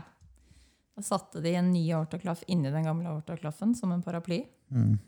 Og så håpet de at eh, det skulle holde lenge. Og det som er fordelen med det, er at du kan dra hjem dagen etter. som du Ja, det var liksom, Jeg hadde en ekstra dag siden jeg hadde så vondt, og så kunne jeg bare dra hjem. Mm. Det var nesten litt sånn samlebåndfølelse. Ja, ja. ja. Så sånn, Hei, jeg er hjerteoperert. Ja. Nei. Nei, du er ikke det. Føltes litt sånn. Så det var da min femte operasjon. 2013. 2014. Da er jeg helt frisk. Jeg dro ikke til feiring etter denne operasjonen. Jeg tok eh, opptreninga mi på Nimi på Ullevål stadion. Eh, Litt mer sånn tilgjengelig. Da kunne jeg jo begynne å jobbe litt ved siden av. Kunne, ja, det, nå begynner jo Nav å lure på hva det er som skjer med meg. Så nå har jeg gått på arbeidsavklaringspenger en stund, og så må jeg liksom gjennom hele det systemet der. Så kunne jeg gjøre alt det samtidig som jeg ble rehabilitert. Så jeg synes det var en eh, grei pakkeløsning. Det var en litt stressende pakkeløsning, men det fungerte bra. Så i løpet av fem uker så hadde jeg liksom fått fikset alt. Og så begynner jeg å jobbe igjen. og i, eh, i eh, september så løper jeg halvmaraton for andre gang. ja, nice. Under et år under da denne TAVI-operasjonen sin. Ja. Ja, og, og da driver du med løpetrening parallelt? Eller du har jo holdt på med det hele tida. Det er ikke sånn at du da tar liksom én løpetur i året, og det er da en halvmaraton? Nei. Du løper jo og holder deg aktiv hele veien, egentlig. Tre til fire ganger i uka Mm. kunne jeg løpe etter at jeg var ferdig på Nimi. Mm. Det, da jeg begynte på Nimi, så sa jeg jo til de at uh, jeg skulle på halvmaraton til høsten. Så det er det jeg skal trene til. Mm. så fikk jeg noen gode løpemetoder og hvordan man skal sette foten og hvor fort jeg skal løpe. og alt sånt, Så det var egentlig kun det vi trente på. Mm. Så det var jo helt nydelig. Selv om jeg kunne jo ikke løpe da først jeg kom dit. Men eh, ja. Når man ender opp, man begynner året med å gå på rehabilitering og ender opp med å løpe halvmaraton, så tenker jeg at uh, rehabiliteringa var vellykka. En bra år. Ja, det var et bra år. Kan ikke si noe annet. og nå er jeg jo frisk, da. I eh, fire år. Eh, så den TAVI-operasjonen var veldig vellykka. Mm. Det skulle jo egentlig vare litt lenger, da. Mente hun kardiologen som gjorde det. Men jeg var veldig fornøyd. Jeg fikk jo Jeg jobba jo eh, 100 en stund. Jeg Fikk jo beskjed om at jeg ikke kunne jobbe som sykepleier lenger, for det syntes jeg var litt tøft for hjertet mitt. Så jeg begynte å jobbe i helseforsikring. Mm. Jeg hadde det veldig fint med det. Jeg kjente ikke noe på noe sykdom i det hele tatt. Alt bra. Helt til 2016. Eh, jula 2016 så sitter jeg, det er jo andre juledag, sitter i stolen hjemme hos mamma. Mamma sitter og ser, funderer og ser på føttene mine og tenker de der ser veldig hovne ut. Eh, Jeg er jo vegetarianer, så ikke skyld på pinnekjøtt og den slags, som alle prøvde seg på. Eh, Så hun bestilte time hos fastlegen min dagen etter. Jeg kommer dit. Da er de jammen meg rett på sykehuset igjen. Nå eh, har jeg da så mye vann i kroppen at eh, de, jeg, jeg vet ikke hva det heter, men de, altså de tapper meg for flere liter vann av befølelsen. Setter inn kateter i lunger og overalt. Så jeg ligger da på Ullevål hele eh, julen. Blir skrevet ut tredje nyttårsdag, hvis det er noe som heter det. 3. januar. Og så kan jeg begynne å jobbe igjen. Nå har jeg jo bytta jobb. Nå jobber jeg i barnehage, har tatt ernæringsveilederutdannelse. Alt dette her har jeg gjort i forkant. Eh, Så jeg begynner å jobbe igjen i barnehagen. Det går veldig fint. Helt til jeg en dag våkner opp i slutten av februar og klarer ikke å bevege meg. Jeg har så vondt i magen. Da blir det ringt ambulanse. Kommer inn. De skjønner ingenting. Det er gallestein. Eller så er det nyrestein. Eller så er det en eller annen stein. Som har satt seg fast et sted. Som har satt seg fast. Så hun må Men eh, vi må ordne det her, tenker de på legevakta. Eh, Så jeg ligger på legevakta i tre timer, og da kommer han denne legen inn og så sier han, jeg fatter ikke hva du gjør her. Jeg tør ikke å ha det her. Så han sendte meg da bare rett til Ullevål. Mm. Kommer inn der, de eh, tenker òg at det er noe gastro. Så jeg blir lagt inn på gastro. Og Ullevål er jo litt sånn nye med hjertet mitt. Eller det er jo litt sånn De vet jo ikke at hvis jeg har vondt i lilletåa, så kan det være hjertet. Um, så jeg er ganske imponert over at hun ene hjertelegen kommer ned, har med seg en sånn liten bærbar ekkosak, som ser ut som en mobiltelefon, egentlig. Ja, ja. Tar ekko og bare Nei. Nå er det på'n igjen. Ja. Er det årtaklaffen som ikke har holdt? Ja. Eller den er begynt å lekke? ja, Den har begynt å lekke, og det er uh, infeksjon. Ja. Og nå står det jo så fint skrevet i papirene fra Riksen om at nå skal jeg transplanteres. Mm. Neste gang hun får det, skal hun transplanteres. Så Ullevål ringer Riksen og sier nå er Silje her, hun er syk, hun skal transplanteres. Vær så god. Ha det! Ditt problem nå. Ja, Igjen. igjen. Uff, ja. Riksen sier ja, nei, dere, kan, dere må sette henne på antibiotika. Vi må, vi må, dette må vi snakke litt om. Og så går det veldig mye fram og tilbake. Eh, Så begynner Ullevål å tenke at vi kan sette en ny Tavi i Tavin Mm. eh, inntil videre. Sånn at du liksom kan være oppegående. Men det ble slått ned på fra Rikshospitalet, og til slutt ble jeg overført da, til Riksen. Da ville ikke Ullevål ha ansvaret lenger. Og da blir jeg satt på transplantasjonsutredning. Mm. Så da ligger jeg fire uker på Riksen og er innom Jeg tror jeg faktisk har vært på alle avdelingene. Snikskryt. Ja, snikskritt. Eh, ved forskjellige undersøkelser. Blir helt klar. Er ikke så veldig frisk, men jeg er ikke så veldig syk heller. Så nå virker det som at nå er, liksom, du akkurat som Thomas har prata om, akkurat frisk nok, akkurat syk nok. This is perfect. Og så har du vært gjennom alle undersøkelsene, og alle undersøkelsene er ok. Godkjent. Nå kjører vi opp på lista. Er du klar for det, liksom? Ja, ja, ja, jeg er helt klar. Jeg er klar for det dere sier jeg skal være klar for. Så går det en natt, og så raser hele korthuset sammen. Mm. Da blir jeg så dårlig. Eh, kroppen bare fyller seg opp med væske. Alt streiker. Helt eh, ja, krise, rett og slett. Så da kan vi bare glemme den transportasjonsplanen, og så må vi bare operere Mm. et eller annet. Vi aner ikke hva vi møter. Har ikke peiling. Jeg fikk eh, beskjed om at eh, det kan hende du våkner og bare har vært åpna og lukka. At ikke vi har gjort noe. Mm. Det kan hende du våkner og på et eller annet mirakuløst vis har fått et nytt hjerte. Det tror vi ikke noe på, men det kan hende. Mm. Det kan Mest sannsynlig så har du nok våkna, og jeg har skifta aortaklaffen din, og vi krysser fingra. Ja. En gang til. Så jeg drar hjem. Dette var rett før påske. Jeg drar hjem. Skyndte meg å skrive ferdig de siste oppgavene på ernæringsveileder. Jeg må Nå har jeg en uke på meg, og jeg har fem oppgaver som skal skrives og godkjennes. Men du er ikke operert, da? Nei. Du skal opereres? Jeg skal opereres du var i god nok form til å stikke hjem igjen litt til å skrive oppgaver? Ja, Eller du var jeg- egentlig ikke det? Jeg var absolutt ikke det. Hvordan fikk, du lov, hvordan fikk du lov til å forlate sykehuset? Du burde holdt deg der. Bundet deg fast. Vi har vel et par utveier der, har vi ikke det? Jo da. Det, det, Jeg er ikke fremmed for å bare gå. Du kan jo ikke holde deg igjen. nei, du kan ikke det. Det er frivillig behandling, så. Ja, tross alt. Nei, da, jeg fikk faktisk lov da, til å reise hjem, Ja. siden jeg bodde så nærme. Ja. Men eh, ikke noe legevakt hvis jeg begynte å føle meg litt dårlig. Da Nei, Da var det liksom bare tilbake. Så jeg satt hjemme. Det var en intensiv uke, kan du si. Eh, Skrev oppgaver, sendte inn, ringte veilederen min og sa at eh, nå, jeg vet det er påske, men nå må du jobbe. Jeg skal hjerteopereres, jeg skjønner du. Hun jobbet, godkjente alle, tror jeg. Og ja, det må hun ha gjort. Hun godkjente alle. Jeg inn på sykehuset andre påskedag og ble operert på nytt. Nå var jeg faktisk litt spent. Jeg var ikke redd. Jeg var litt spent på hva jeg kom til å våkne opp med. Mm. Hva som hadde skjedd.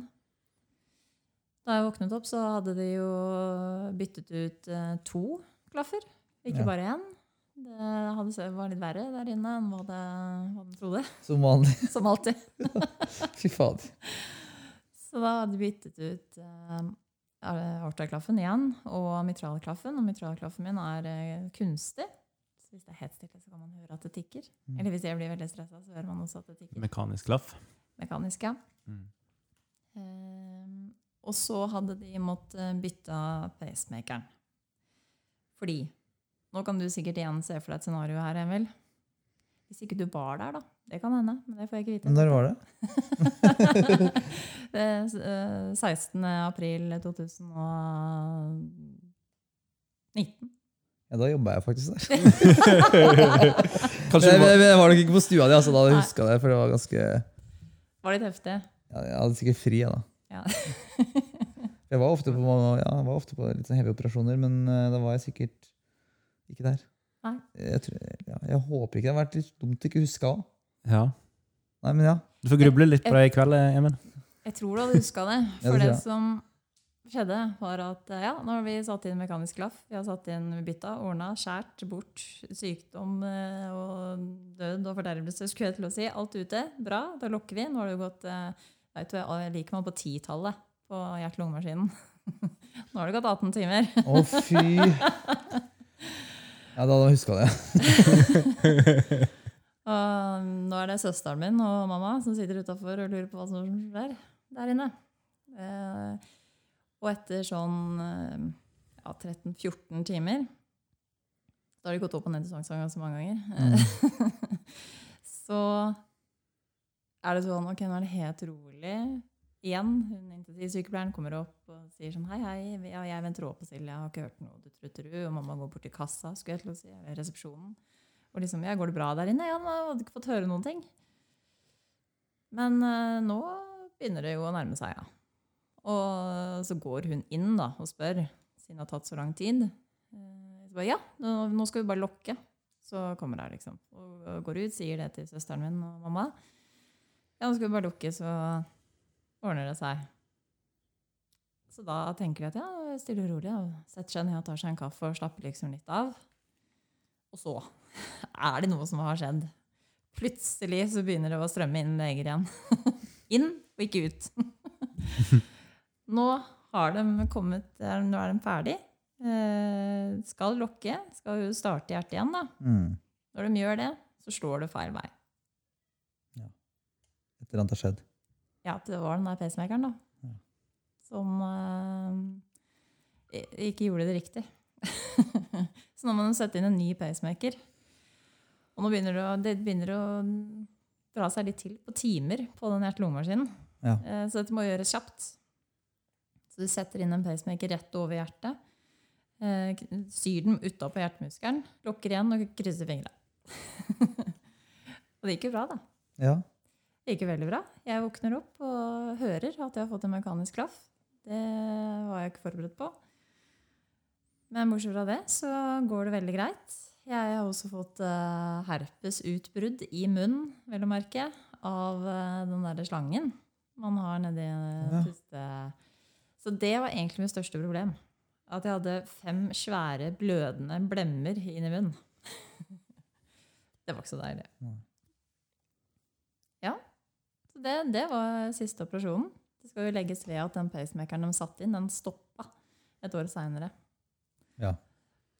Det ga, har gitt han kameraten min mye angst, den Ja. pacemaker-historien din. Ja, det, Thomas turte jo ikke ta skulderpress eh, på et år etter den historien. så... det stemmer, det. Nei, man, Når man har pacemaker, skal man ikke løfte armene. Det har jeg faktisk en venninne som har sagt. Det var akkurat sånn du sa det. Ja, det var nesten Ja, det var det. Jeg fikk litt dårlig samvittighet. Jeg kjente deg ikke så godt da, Thomas. Nei, jeg visste da- ikke at uh, du skulle gå i full angst. Nei, det, det visste ikke jeg heller, men eh, det gjorde jeg. Thomas, Thomas lå vi drev og gjorde sånn skråbenk, tror jeg. Ja, ja, ja. Og du bare Å, faen, nå, nå gjør det vondt her, altså! Ja, ja. Nå gjør det vondt i brystmuskelen. Og så viste jeg seg at Thomas hadde en sånn kvise som var liksom oppå pacemakeren. Nei, har inngrodd hår. Inngrodd hår var det. Ja. Rett over pacemakeren. Så det, det er rart det der, hvordan hode og kropp henger sammen. Men du må fortelle raskt det med pacemaker nå, da. Så kan, du kan gi andre med pacemaker litt skrekk nå. Ja, skal vi det? Nei, det bestemmer du sjøl. Ja, ja, for min del går det Ja, greit. ja, altså, hallo, den kan jo stoppe, det vet jo alle. Men Ja, Vet man det? Det visste ikke jeg. ikke jeg heller, før jeg møtte deg. Fordi det som skjedde med deg, var rett og slett at elektronene ble At de falt ut, var det det? Eh, Nei, for de Nei. er jo sydd på hjertet. Ja. Ja, for her var jo Det trodde jeg. Jeg hadde misforstått det egentlig Ja, når vi ja. var på feiring. Nei, på um, eh, seminar med stiftelsen. ja, Ja. for det var det du trodde? At, Jeg trodde At du hadde hadde hengt opp julepynt eller et eller annet. Ja, men Det var sånn Ja. jeg husker Ja, ja, historien. ja. At du hadde hengt opp noe over peisen, Ja. og så hadde du gått i bakken. Og det sa til deg, sant? ja, fordi da, så jeg syns det hørtes ut som en sånn ja, Ja, da det rakna, da. ja, at, du liksom, at det var et eller annet en plassering som har gjort at det ble såpass drag i disse elektronene. da. Men Men det, ja, det er jo sant, da. Har ikke du fått beskjed om det? At At du ikke skal ha armene så langt bak fordi du kan dra i snorene? jeg har generelt fått lite informasjon, egentlig, kjenner jeg. Bra du har funnet meg, da. Ja. Thomas har på seg headset, og så stikker han. Det er ikke det at eh, de ikke har vært på tilbudssida. Litt Mange tapte anrop fra Riksen i perioder. jeg skjønner ikke hva du snakker om. Men, eh, men ja, Silje, det, pacemakeren stoppa, og det var ikke fordi du hang opp julepynt. Det var Nei. bare Det var midt på sommeren. Ja. Så det var det, ikke at jeg tok ned julepynt heller. Nei. Jeg gjorde egentlig ingenting. Jeg var eh, inne på besøk hos noen eh, venninner, eller ja, naboer, da. Men det var hos venninner som har to små barn. Eller små og små. Ja. Halvungdommer. Jeg skulle lære meg sånn danseprogram som jeg ikke husker hva heter. Let's Dance? Just heter? Dance. Just Dance, ja. På, eh, på TV-en. Eh, dette har vi sånn blinkende musikk i seg. Eh, og dette barnet vet at jeg har epilepsi, og at det, er farlig. da, sånn blinkende musikk. Så hun var veldig obs på det. Hun sa sånn, ja, men hvis det er sånn blinkende musikk, så må du se bort, Hun må love meg det, og var helt der. Ja, så koselig. Ja, veldig hyggelig. Og så skulle hun, for det var jo en app til dette her, vet du. Nå føler jeg meg jo 90 år når jeg sitter og forklarer det her. Og hvis hun hører på, så kommer hun i hvert fall til å le. Men ja. Eh, jeg skulle gi henne telefonen, eh, for hun skulle installere dette her. Så jeg gjør sånn. Strekker armen ut til siden. strekker armen ut til siden, gir henne telefonen, og det neste jeg husker, er at jeg ligger med huet inni dems peis. og rister. Det var det. Ja. Eh, Jeg skjønte jo ikke hva som hadde skjedd. Hun- Moren da, hun har jo ringt 113 nå. Og var sånn, Silje, nå har jeg 113 på, på røret. Og jeg bare, hæ? Hvem er det som er syke? Det ligger jo hodet i peisen. Silje er aktuell med ørebetennelse igjen. Er det ørebetennelse, eller er det Nå har hun tråkket over en gang til.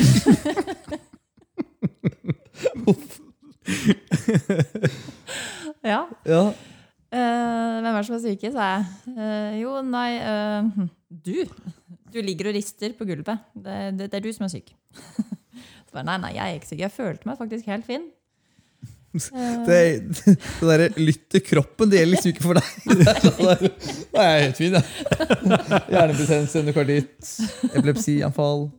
Pacemakeren stopper.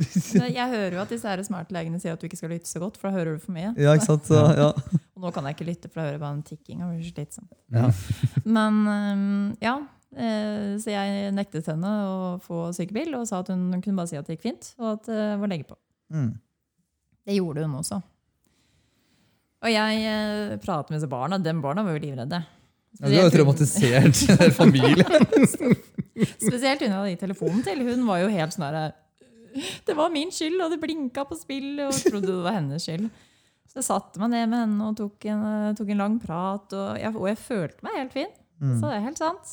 Det kom flere gjester, og vi setter oss ut for å eh, drikke kaffe. Og så sier hun yngste datteren at hun fryser.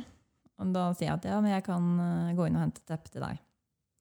Så jeg reiser meg opp, og så går jeg forbi et par stykker som sitter der. Og det neste som skjer da, er at jeg våkner opp at en av de gjestene holder hodet mitt som om jeg skulle bli døpt.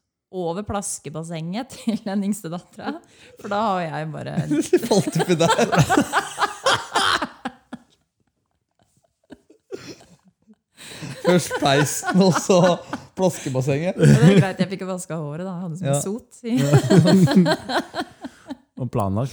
Det er nesten litt sånn der tragisk sitcom-opplegg. Ja, jeg så det liksom sånn side om side eller et eller annet greier. Se det. Jeg tror egentlig historien min kunne solgt bra. Ja. Eh, ja, hvorpå denne naboen da, som sitter og holder meg, eh, bare 'Nå har du ikke noe valg. Hva er fødselsnummeret ditt?' Jeg bare, ja, det er 28.5. Dutterud. og da kom de jo, for jeg har jo sånn rød blinkende trekant når det er mitt navn man Ja, ja. ringer for. Så de var jo der på altfor kort tid. Eh, og jeg følte meg altså så dum. For der sitter jeg med sommerkjolen på, og hun naboen hadde tørka håret mitt til og med, så jeg var jo helt oppegående. Og de kommer inn med liksom hjertestarter og hele pakka, og EKG-maskin, for de har jo fått hjertestans.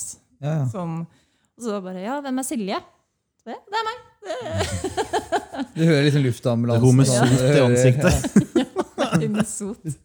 Haskepott, hun sitter der. Fader, det er, ikke, det er, det er, det er ikke ålreit med sånn blackface, Silje. Silje. Nei, unnskyld. Nei, jeg tenkte på sot. Ja, nei, nei, nei, nei, men ambulansefolka sier det. Kan Å, ja, du dere sånn, holde på med sånn blackface-opplegg?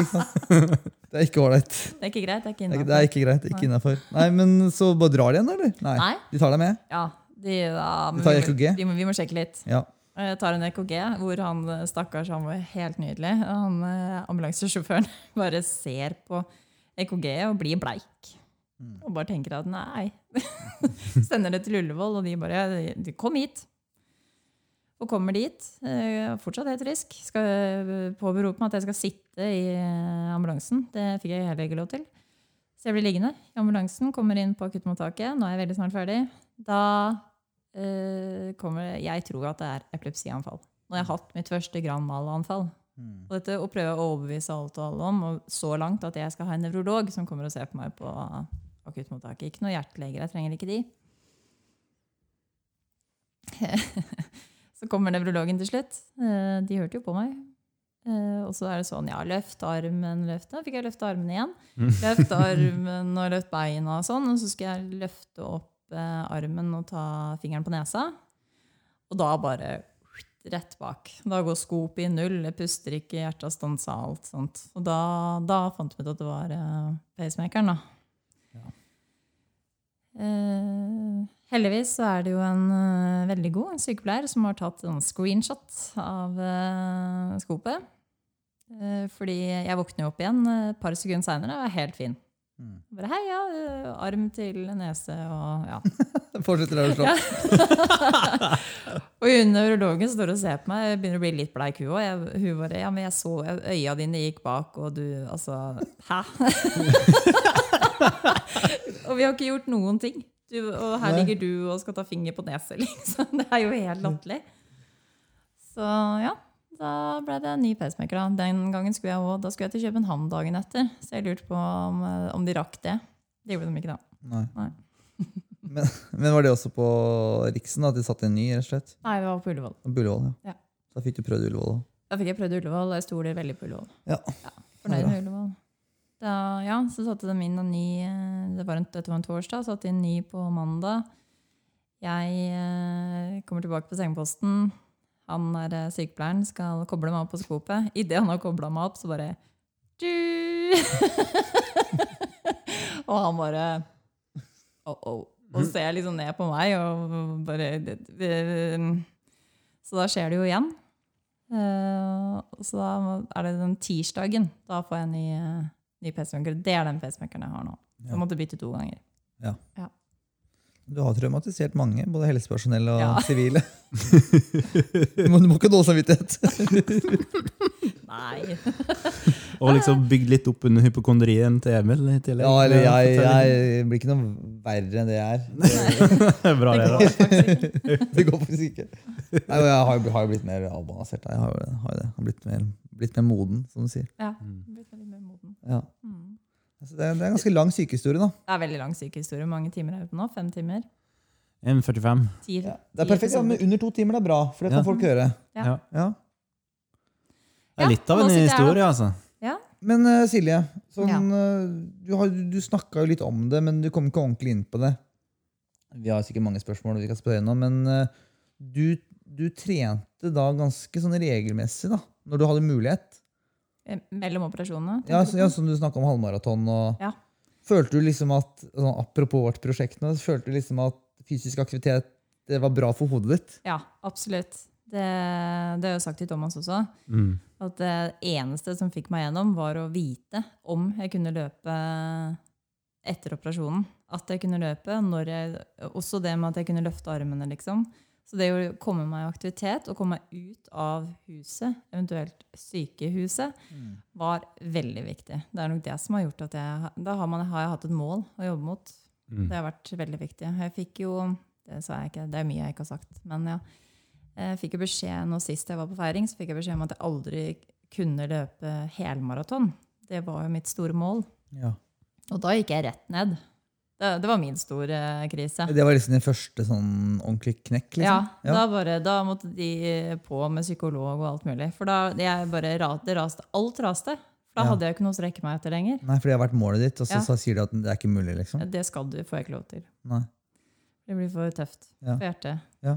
Som de sa, å løpe helmaraton går greit, men all den treninga du skal gjøre opp mot, Ja. det blir for stressende. Ja.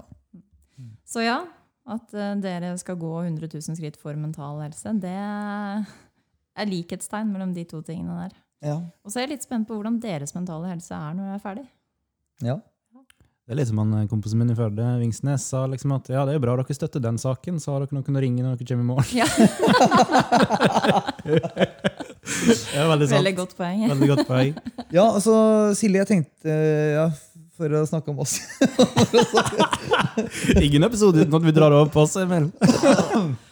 Nei, Nei, eh, jeg skravla i halvannen time her, så. Nei, men fordi du er jo nå sammen med min medvert her. Min Ja. host, som jeg liker å si. Ja, med, med host. Medhost. Med et Ja. host. Ja.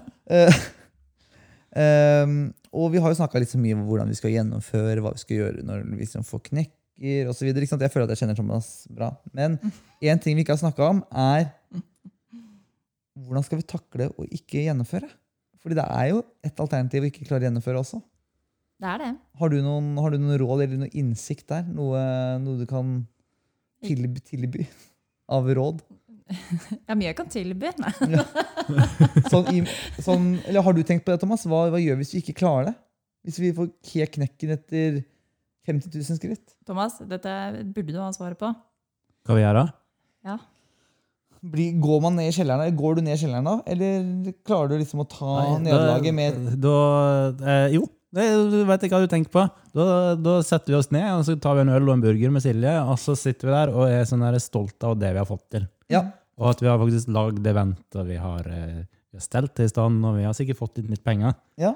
Ja, Så kommer vi ikke i mål, da, men vi fikk iallfall prosjektet. Altså, vi har jo vi organiserte det jo. Ja. Så må vi må være fornøyd med der vi, være fornøyd med der vi kom, da. Mm. Ikke tenke på det man ikke har klart, men tenk på alt man har klart. Ja. Og langs ved eh, Jeg har jo skjønt at du er en Duracell-kanin.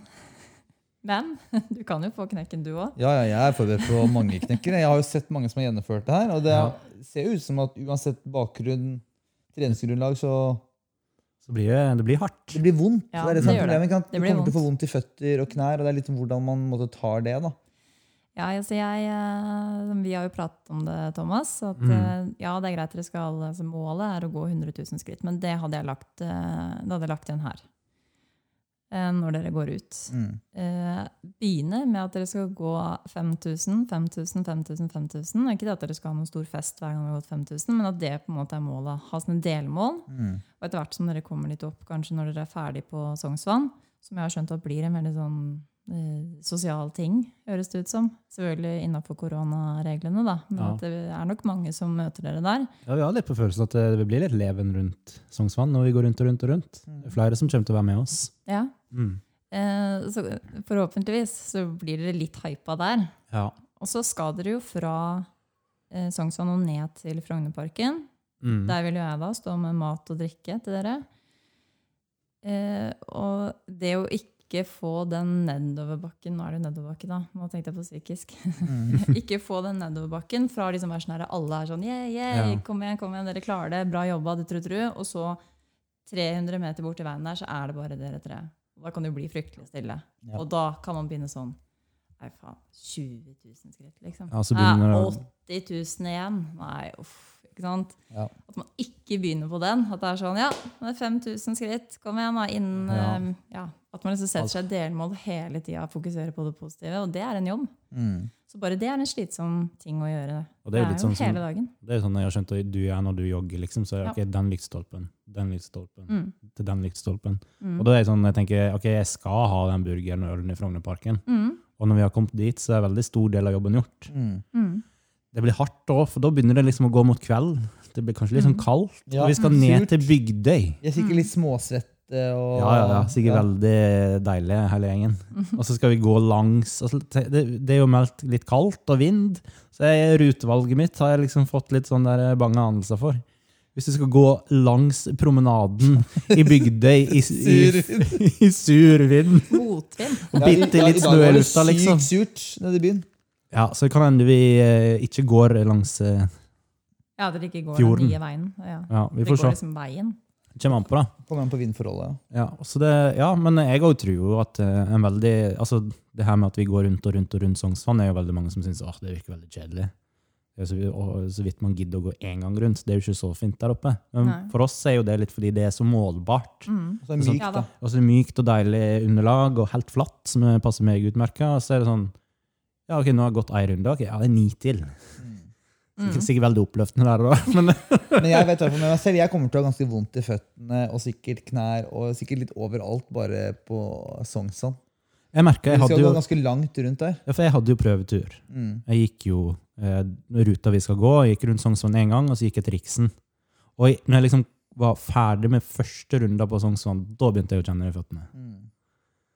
Så det er liksom sånn, det er mest sannsynlig de siste fem rundene rundt Sognsvann blir med vondt i ankler, legger, under føttene, kanskje litt lite gnagsår. Så ja. Ja, da er det det å ikke gå og fokusere på det. Ja, ikke sant? Ikke henge seg Ikke opp henge i seg opp i det. For Ikke, da, ikke lytte kroppen, rett og slett. ikke Nei. lytte kroppen. Bare tenk, hvis jeg klarer å løfte armene, så går det greit. Fordi alle, alle sånne vondter ja, ikke sant? Så lenge du klarer å løfte armene og vet hvem du er, så er det greit. Fordi alle sånne vondter du får, er jo kroppen som sier fra du, her er det fare for vevskade, type, ikke sant? Ja, ja. Eller her er det Mm. unormal belastning eller eh, overbelastning. Mm. Eh, og, men så lenge vi liksom skal gå, så kan vi liksom vi kan ikke liksom ryke menisken eller få tretthetsbrudd i beina. Så vi må bare liksom pløye gjennom, tenker jeg. Ja. Men så hadde vi løpt, løpt 80 km, da kan vi jo alt ryke. ja. Ja. ja, for det er jo lav intensitet. Ja, Og det er ikke så harde støt. Vi skal jo liksom ikke Det er jo veldig mye på asfalt. Da. Det har jeg jo sagt er jo det er mye asfalt. mm. Men øh, jeg føler at mye av jobben er gjort når dere er ferdig på Sognsvann. Ja. Jeg er veldig spent på hvor mange oppe skritt vi har da. Da må vi være oppe i sånn 60 000-70 000. Sånn Ideelt så kunne det sikkert vært en tur i marka, men det blir så mye høydemeter. Ja. Du må, kan ikke gå langt i marka før du plutselig har tatt et par tusen høydemeter. Og, da, blir det tungt, ass. tungt. Det blir Ja. tungt. og så kan du tråkke over og snuble. Og, Ja, skadestatistikken i marka tror jeg er høyere enn skadestat- Skade. Skadestatistikken på asfalt. ja, ja, jeg snubler jo i brostein og fortauskanter og sånn fra før, så Bra vi skal gå inn på Akershus festning, da. Ja, For vil ikke falle over veggen der. Nei, men du, det, stolpe. det var en liten sånn digresjon da på vårt prosjekt. Men Ja. jeg tror du har veldig verdifull innsikt der. Det var bra råd du kom med. Ha liksom mange små delmål da, og kanskje kombinere det med drikkepauser. og Så viste du meg noen sånne tøyøvelser som vi bør gjøre underveis for leggene. For da vi gikk siste stolpejakken Jakken, faktisk. Ja, nå. Stolpejakken. Ja, da, da, da gikk vi jo ja, litt over to mil, var ikke det? Jo, nei, nesten en mil. Men Nei, jeg, ja, unnskyld. timer. Da blir du turene. stiv i legger, ikke sant? Ja. Nei, han fikk vondt under føttene sine. Mm. Ja. Da ble jeg litt uroveika.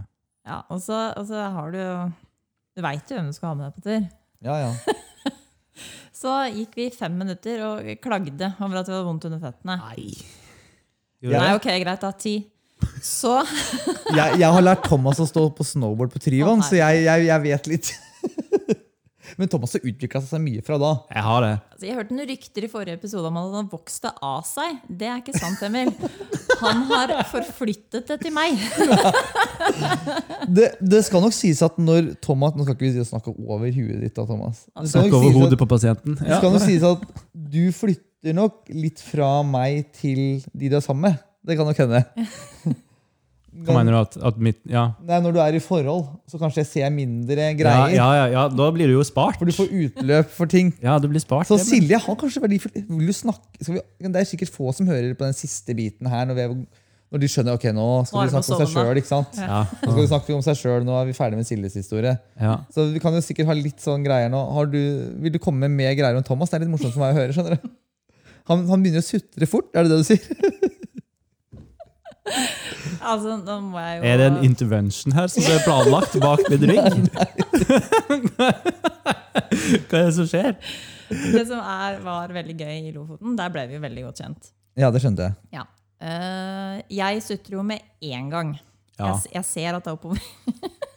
ja med en gang. Ja, men jeg, jeg sutrer jo før vi begynte å gå. Ja, Ja, jeg satt i bilen og var sur.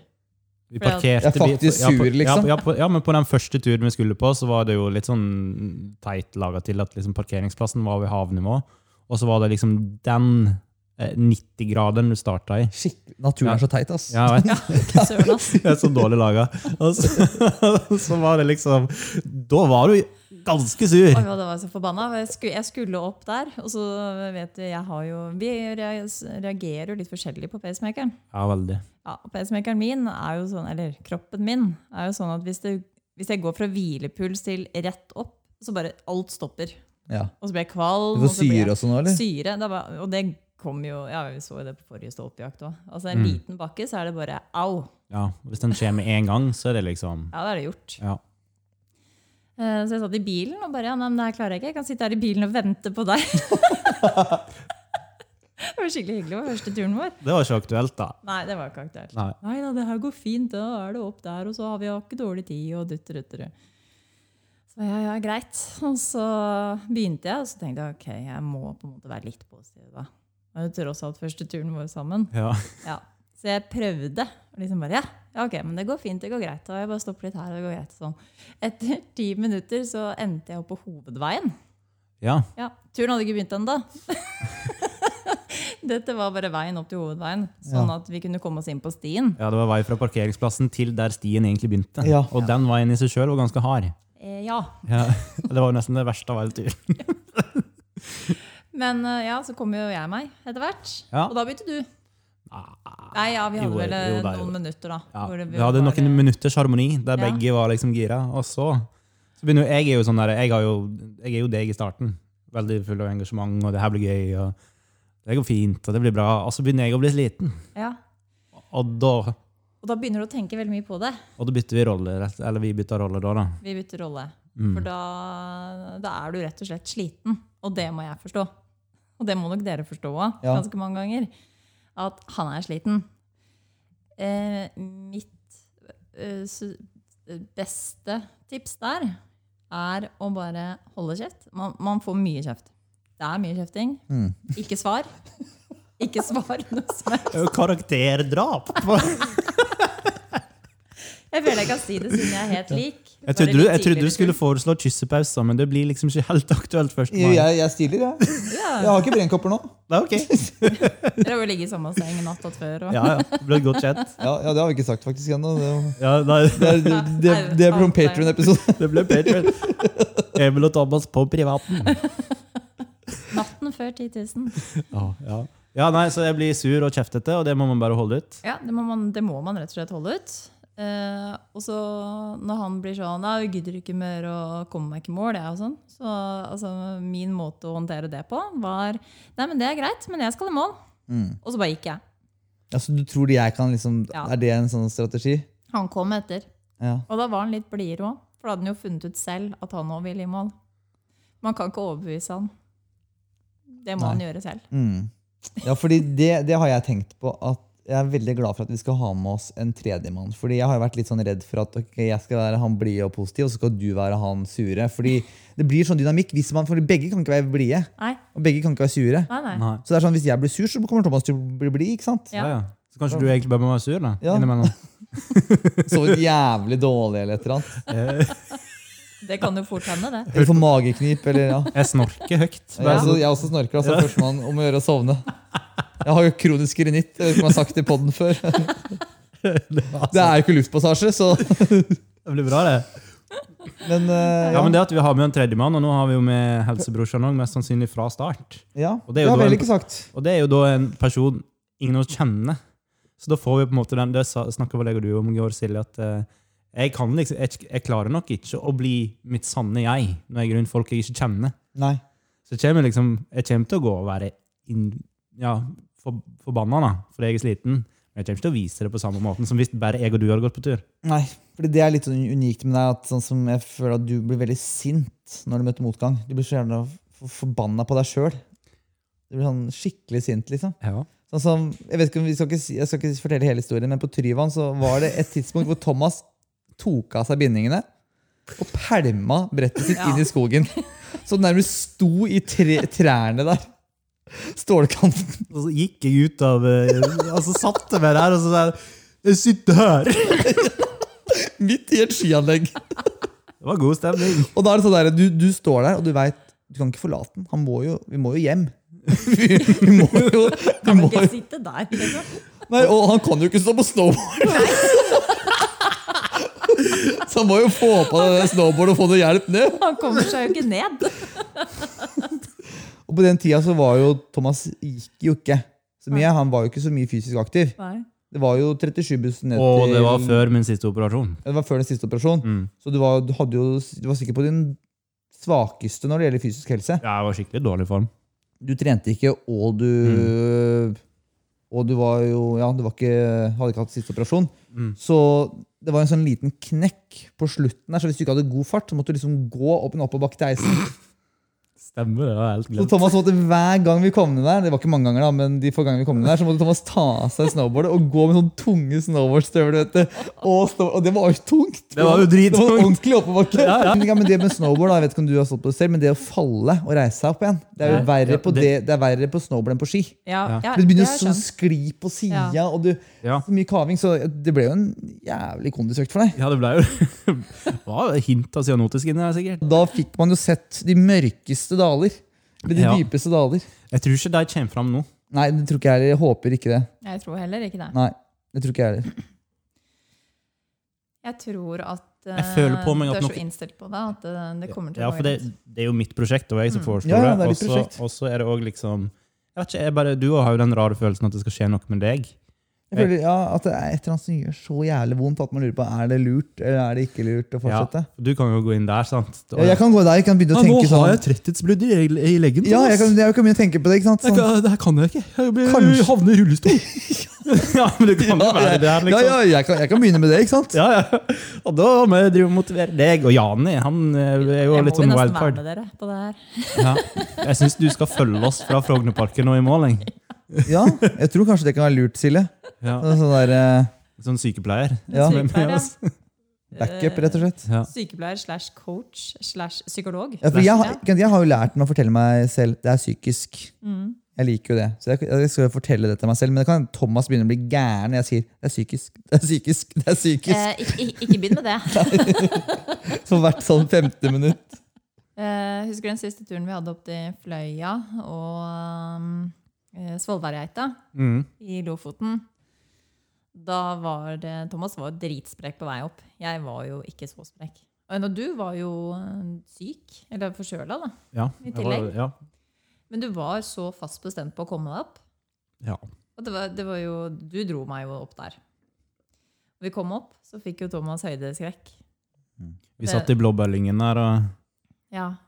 ja, eller først så fikk jeg jo kjeft, da. Fordi at jeg tok et bilde av han oppå Devilborn. Ja, det fortalte om. det jeg om i episoden. Ja, jeg hørte det. Ja. Not my proudest moment. Så jeg måtte jo først prate deg ut av det. Ja, det, det tok jo tre kvarters tid. Ja. Ja. Uh, og så skulle vi spise lunsj i Lyngen. Det var jo ditt uh, forslag, må nevnes. ja, Så veldig fint ut å sitte der, men liksom sånn glatt turbukse mot blåbølling. Det blir litt som å sitte i en uh, liten sånn akebakke. Ja. Og det var jo rett ned i døden. Ja. Så vi går, sa jeg. Ja. Silje, begynner du å skli? Nei, men det hadde vært litt kult da, å bare skli ned her, sier jeg. Jeg visste jo ikke at han eh, nå var renn. Nei. Og han bare Nå går vi! og så kommer vi ned, og jeg har vi jo fortsatt ikke vært oppe på Svolværgeita. Nei. Det er jo litt sånn avstikker. Uh, og jeg trodde jo at vi skulle opp dit, at det var liksom en del av turen. Det var ikke en del av turen. Jeg var godt fornøyd jeg, når jeg heller hadde vært oppe på den toppen som var over Såløyheta. Ja, det var et veldig stort poeng. Ja, vi har vært høyere oppe enn Svolværgeita. Det er ikke noe vits å gå opp til Svolværgeita. Se så mye folk det er der, da. Vi har jo vært høyere, og vi har jo sett den ovenfra. Det er jo ikke noe vits det, da. Han er jo sliten også. Han begynner å regne også. Da blir det kaldt. Nei, nå vil jeg tilbake. Ja, Det blir seint, og vi skal ha middag. Og, vi skal... og jeg bare Ok.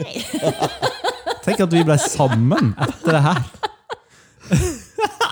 det var helt utrolig. Hvor mange monologer hørte du i løpet av den turen, eh, Silje? Å, det har jeg ikke tall på. Det var, jeg, tror, jeg tror turen tok eh, sånn fem timer. Ja, Og det var nok en tre timers lang monolog. ja, det var, ja. det var nok over halve turen, i hvert fall. Ja. Og så kom vi ned til dette stikkrysset. Nå har jeg da holdt kjeft fra toppen. Mm. Og bare latt han få PC fra seg. Eh, han skulle i hvert fall ikke opp til den Svolværgeita. Det var det siste som skulle skje. Så kom vi til det stikkrysset, så stoppa jeg opp, og så tok jeg opp nøklene til rommet. Ja, akkurat den natta bodde vi på hotell. Mm.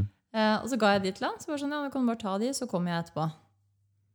Og han bare Hæ? Ja, jeg skal jo på Svolværgeita. Og bare, jeg bare ga han de ti sekundene han trengte på å få det inn. Så bare Men det er jo ikke sånn at du kan gå opp til Svolværeit alene. Da må jeg jo være med, da. Nei, du må ikke være med. Det er bare rett opp der. Så kan du begynne å gå ned, og så tar jeg deg kanskje hjem på veien. Han blei med opp til Svolværeit, da. Ja. Blei med. Så, så, så du kan reagere greit på sånn, på sånn stimuli, holdt jeg på å si. Ja, ja, ja, jeg kan jo det. Ja. Ja. Hvis, hvis, han liksom, hvis du bare trenger at han får opp det der konkurranseinstinktet, ja. så er det litt det. Litt det der, ja, men du kan jo bare gå, jeg driter i det, jeg. Men jeg skal i mål. Men det føler jeg at vår tredje man kan trigge hos deg, fordi du vil slå Janni. Eller ikke Ja. slå, men du skjønner hva jeg mener. Ja, jeg Du vil ikke gi deg før han. nei, jeg vil ikke være det svakeste ledd. Nei. Jeg sier ikke at Jan er det svakeste ledd, men en av oss vil jo mest sannsynlig bli det svakeste ledd. Ja, en av oss må jo bli det, men eh, Ja. han er kanskje ikke favoritt, hvis man kan si det sånn. Altså, Voldt opp, voldt opp mot deg, så er ikke han det, nei. Nei, men bare, ja, Han har litt dårlig utgangspunkt akkurat nå, da. Og du Ja. også går jo mye mer. Og så har ikke han den samme motivasjonen som meg og du har, Nei. tror jeg. Altså, Nei. For det er liksom vårt prosjekt. Jeg tror hvis han får ordentlig vondt, så gir han seg. Det tror jeg òg. Det har han sagt også. Ja. Det er jammen bra, da, siden dere sier det her. Ja. Så Nei, det, men- nei, men det, da er jo det et tips, da. At du må bare si ja, ja jeg skjønner hvis du Ja, vil men jeg gi deg her, fortsetter, men jeg, jeg, liksom. jeg skal i mål. Jeg fortsetter, ja. Så går du en typ 50 meter, og så ja. hører du en sånn subbing bak deg. Så kommer det en annen forbanna førdianer og tar deg igjen. Det er sånn. Men jeg skal ha på headsetet! Jævlig Sånn, bra. det er greit. Ok, men En siste ting da, før vi avslutter denne poden. Ja. Hva med, hva med den der pacen? Vi må jo holde en viss pace, tenker jeg. Fordi, Hva tenker du om det, liksom, det å bruke 15 timers versus 24 timer? da, ikke sant? De ni timene der. Og på å si, man, man bør holde et visst driv. Ja, eh, Fordi det kommer til å tære så sykt på. For det går jo til et punkt. Jeg husker, eh, Skal ikke jeg være den som drar ut denne poden i det uendelige, selv om det er jeg som har gjort det. Men Nei, men det er, det er podkast, det er fritt format. Så. ja, Ja. eh, jeg husker eh, min første gang da jeg løp halvmaraton. Så, kom jeg, så var det jo mye hei, heiarop opp mot Skøyen. Og fra Skøyen så er det jo bortover Frognerstranda der. Da var det helt dødt. Mm. Og da tenkte jeg bare Det ikke noe vits å jogge her, liksom. Det var jo ikke noen folk som Ja. så på. Ja. Og så bare, ja, men snart er man liksom borte ved Aker Brygge der, og sånn. Og så der er det masse folk. Og der visste jeg at jeg skulle ha noen familie som sto og sånn. Eh, og så klarte jeg liksom å jogge dit, og så hadde jeg jogget forbi Aker Brygge, og der var det jo liksom full stormende jubel, og folk satt ute og tok utepølse og heia og klappa og jubla og sto i. Så tenkte jeg, å, dette var jo litt gøy. Og så kom jeg til Oscarsborg. Nei, eh, Akershus festning. Helt dødt. Ikke et menneske. Og visste at ja, nå skal jeg bare ta oss og løpe ut til den ytterste av de der øyene ut mot Moss. Ja, sånn Malmøya eller et eller annet. Ja. Og så skal jeg snu der, og så skal jeg løpe tilbake. Jeg! og da kom liksom tanken om at ja, dette er ikke noe vits. for Hvorfor gjør jeg det her, da? Det er jo ikke noe, det er ikke noe gøy. Det er jo ingen som ser jo ikke noe vits å løpe her. Kan ikke jeg bare gå opp? Har jo selvfølgelig sånn der passeringspunkt utpå der, da. Men det er sånn, kan ikke jeg bare over her og samme det, om ikke jeg får det medaljen? Jeg skal jo bare Så å ikke komme inn i den, Mm. Mm. tror jeg er veldig viktig. Og det tror jeg skjer hvis dere er oppe i sånn 22 timer. Ja. Ja, Dere kan jo ikke det. Dere må jo være i mål før 12. da. Ja, 24.00. ja, for det har vi tenkt litt på. For Hvis vi ikke Ja. klarer det innen midnatt, så har ikke vi klart det på én dag. Nei. Vi har klart det på ett døgn, da. ja, men vi bør jo klare det før midnatt. Ja, Ja. for da har vi, Da har vi holdt på i 14 timer. timer. 18 timer, 18 timer blir det. Ja. Ja, for jeg, er sånn, jeg, jeg trives med å gå fort. Altså, Vi har jo ganske sånn van, altså Vår gangehastighet er jo raskere enn hva kanskje Eller den er iallfall ikke av den tregeste. da. Vår vanlige gangehurtighet ligger jo rundt 5-5-6. Ja, for i går da vi gikk omvei til butikken, så sjekket du jo. Mm. Og vi gikk jo i sånn daffetempo og hadde jo begge følelsene av. Ja. Og da lå vi jo på 5,2. Ja. Nei, 4,5, Ja, 4,5, ja. jeg. Jeg Da vi, liksom, ja, for, ja, for, ja, vi gjorde det òg, men Ja. da vi liksom kommentert at ja, for da vi, i går så var vi litt sånn Vi hadde en litt sånn lat dag i går, så vi skulle bare gå en rolig omvei til Mm. butikken. Og det var sånn der, det her er jo veldig behagelig tempo. og Det var fortsatt 4,5. Ja, Mm. Og det er jo bra, på en måte, at det da ikke var nede i 2,2. Ja, ikke sant? Ja. ja, fordi da tar det lang tid. Da tar det lang tid. Nei, men jeg òg er jo veldig på det med deg, Emil, at jeg vil jo at vi skal klare det på kortest mulig tid, men på en klok måte. Ja, for vi må heller ikke bli svette eller slitne. Vi må liksom alle tre må snakke sammen, liksom. Ja, jeg tror liksom, Hvis man begynner å gå opp mot 20 timer, så da, da er man så mentalt sliten. Ja. Mm. Godt å ha hatt det vondt i over 20 timer, eller sikkert 18 timer. Det er sikkert greit de første to timene, og så begynner det. Ja, ikke sant? Sånn som en maraton er ikke lettere på åtte timer enn Nei. fire. en måte. Nei, Så du liksom bort på meg nå fordi du lurte på hvor lang tid jeg hadde brukt? Nei, Ja, ja, jeg har du fullført maraton? nei jeg har Nei. jo ikke gjort det. Nei. Nei. Bare halvmaraton. Ja. Ja, det er ikke bare bare det. Jeg syns det er slitsomt òg, jeg. Nei, men det blir jo gøy, det her. Nå fikk jo du litt innblikk i min syke, eller litt ekstra påfyll. Ja, litt sånn oppdatert kunnskap. Ja, har oppdatert kunnskap. Jeg har jo ikke liksom vært, jeg har vært med på nedturer nå i siste, jeg også, men ikke sånn. Det er mer sånn podrelatert, som vi har om, men ikke noe sånn fysisk. Nei. Men det har jo du vært med på. Du har tatt med ut på tur. ja, jeg har tatt han med ut. Ja, men generelt, ja, for du, du, Vi må avslutte med det. Nå er det jeg som driver og kommer med nye temaer hele tida. Men jeg skjønner at Thomas er utfordra til sentrumsløpet. Ja. Ja, Fortell bare en sånn brief eh, greie rundt det. Hva, hva slags mål tenker du han skal ha, og opptrening osv.? Eh, det hele startet jo fordi jeg eh, jogger jo. Mm. Eh, og så sa Thomas at han kunne ikke jogge. Sånne ting kan man ikke si til meg. Nei. Så jeg spurte hvorfor han ikke kunne jogge. Nei, han var jo hjertesyk. Ja. Nei, det, det jogge kan du. Hjertesliten. Var litt hjertesliten. eh, og så var du på en kontroll hvor du hadde fått beskjed om å løpe. Jeg jogger på tredemølle, ja. Ja. Mm. Og så bare kom han hjem og så bare 'Jeg kan jo løpe!'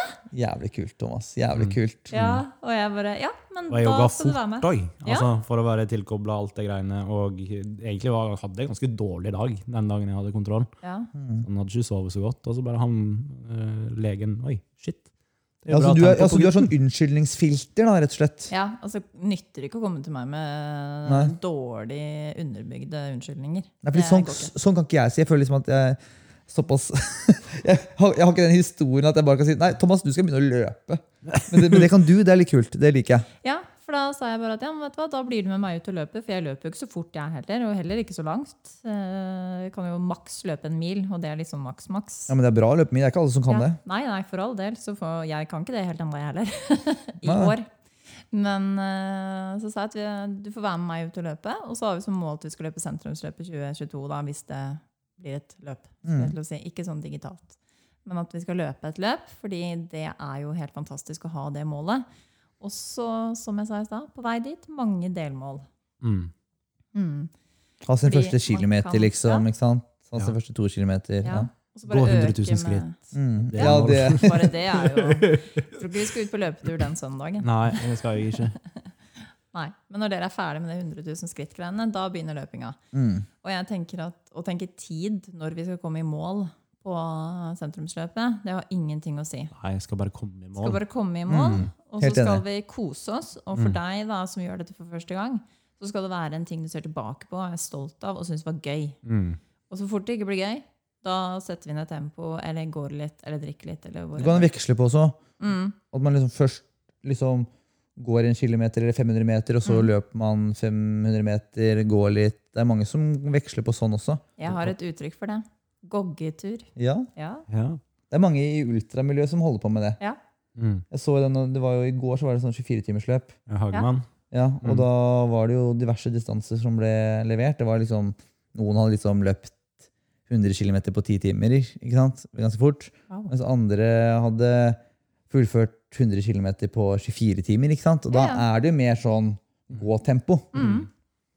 Så det er liksom ikke noe det er ikke noe feil, det. eller Det er ikke noe, det er ikke noe fasit på hvordan man skal gjennomføre en distanse. Enten det er 10 km eller 100 eller 200. Nei. Eller 100 000 skritt. Ja, eller 100 000 skritt.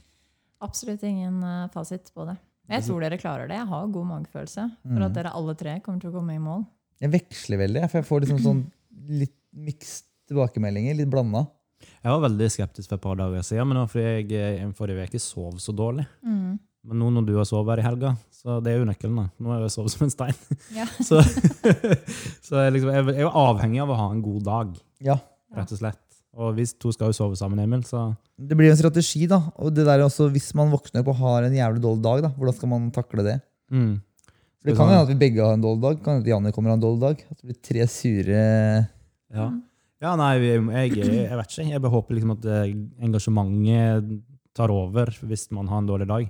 At det overskygger at man har en dårlig Jeg vet ikke. Og så spent Ja, på jeg tror dere er så Ja. spent eh, at eh, dere ikke har en dårlig dag. I hvert fall ikke helt fra starten av. Men jeg tror ikke vi sover åtte timer eh, solid. liksom. Jeg tror ikke vi klarer det. Nei. Nei. Og så kommer til å være urolig Dere to kommer bare til å ligge og fnise hele natta. Ikke ta på meg, Thomas! Hva var fast der, da? Nå er det min tur til å være lille sjel. Jeg skal, jeg skal være lille sjel natta. Det er det eneste jeg vet. Det er bra, det, for den eneste veien i senga Thomas kan ligge. Jeg kan kun ligge på ribben. høyre side, så det blir, det blir automatisk lilleskje. Ja, det er greit, det. Greit. Nei, men det, det blir bra. Det var veldig gøy å prate med deg, Silje. Det var det. Blir jo da garantert vår lengste episode. Ja, det beklager jeg. Det er ingenting å beklage, det er bare gøy. og så eh, kommer du jo tilbake. Ja. Jeg og du har jo x antall tusen det at pod-episode jeg og du kan ha. Mm, det er sant. For liksom, Vi kan gå mer i detalj på det her, hvor ulik syke vi har rundt vår egen hjertefeil. Det å være født med hjertefeil, det å få erverva hjertefeil tidlig. Mm. Og ja, bare det at du, vi får hverandre opp på fjellet i Lofoten uten å gå fra hverandre. Det er jo kan jo ha 100 episoder bare om det. Ja, det er helt sant. Så det, det var veldig, veldig koselig.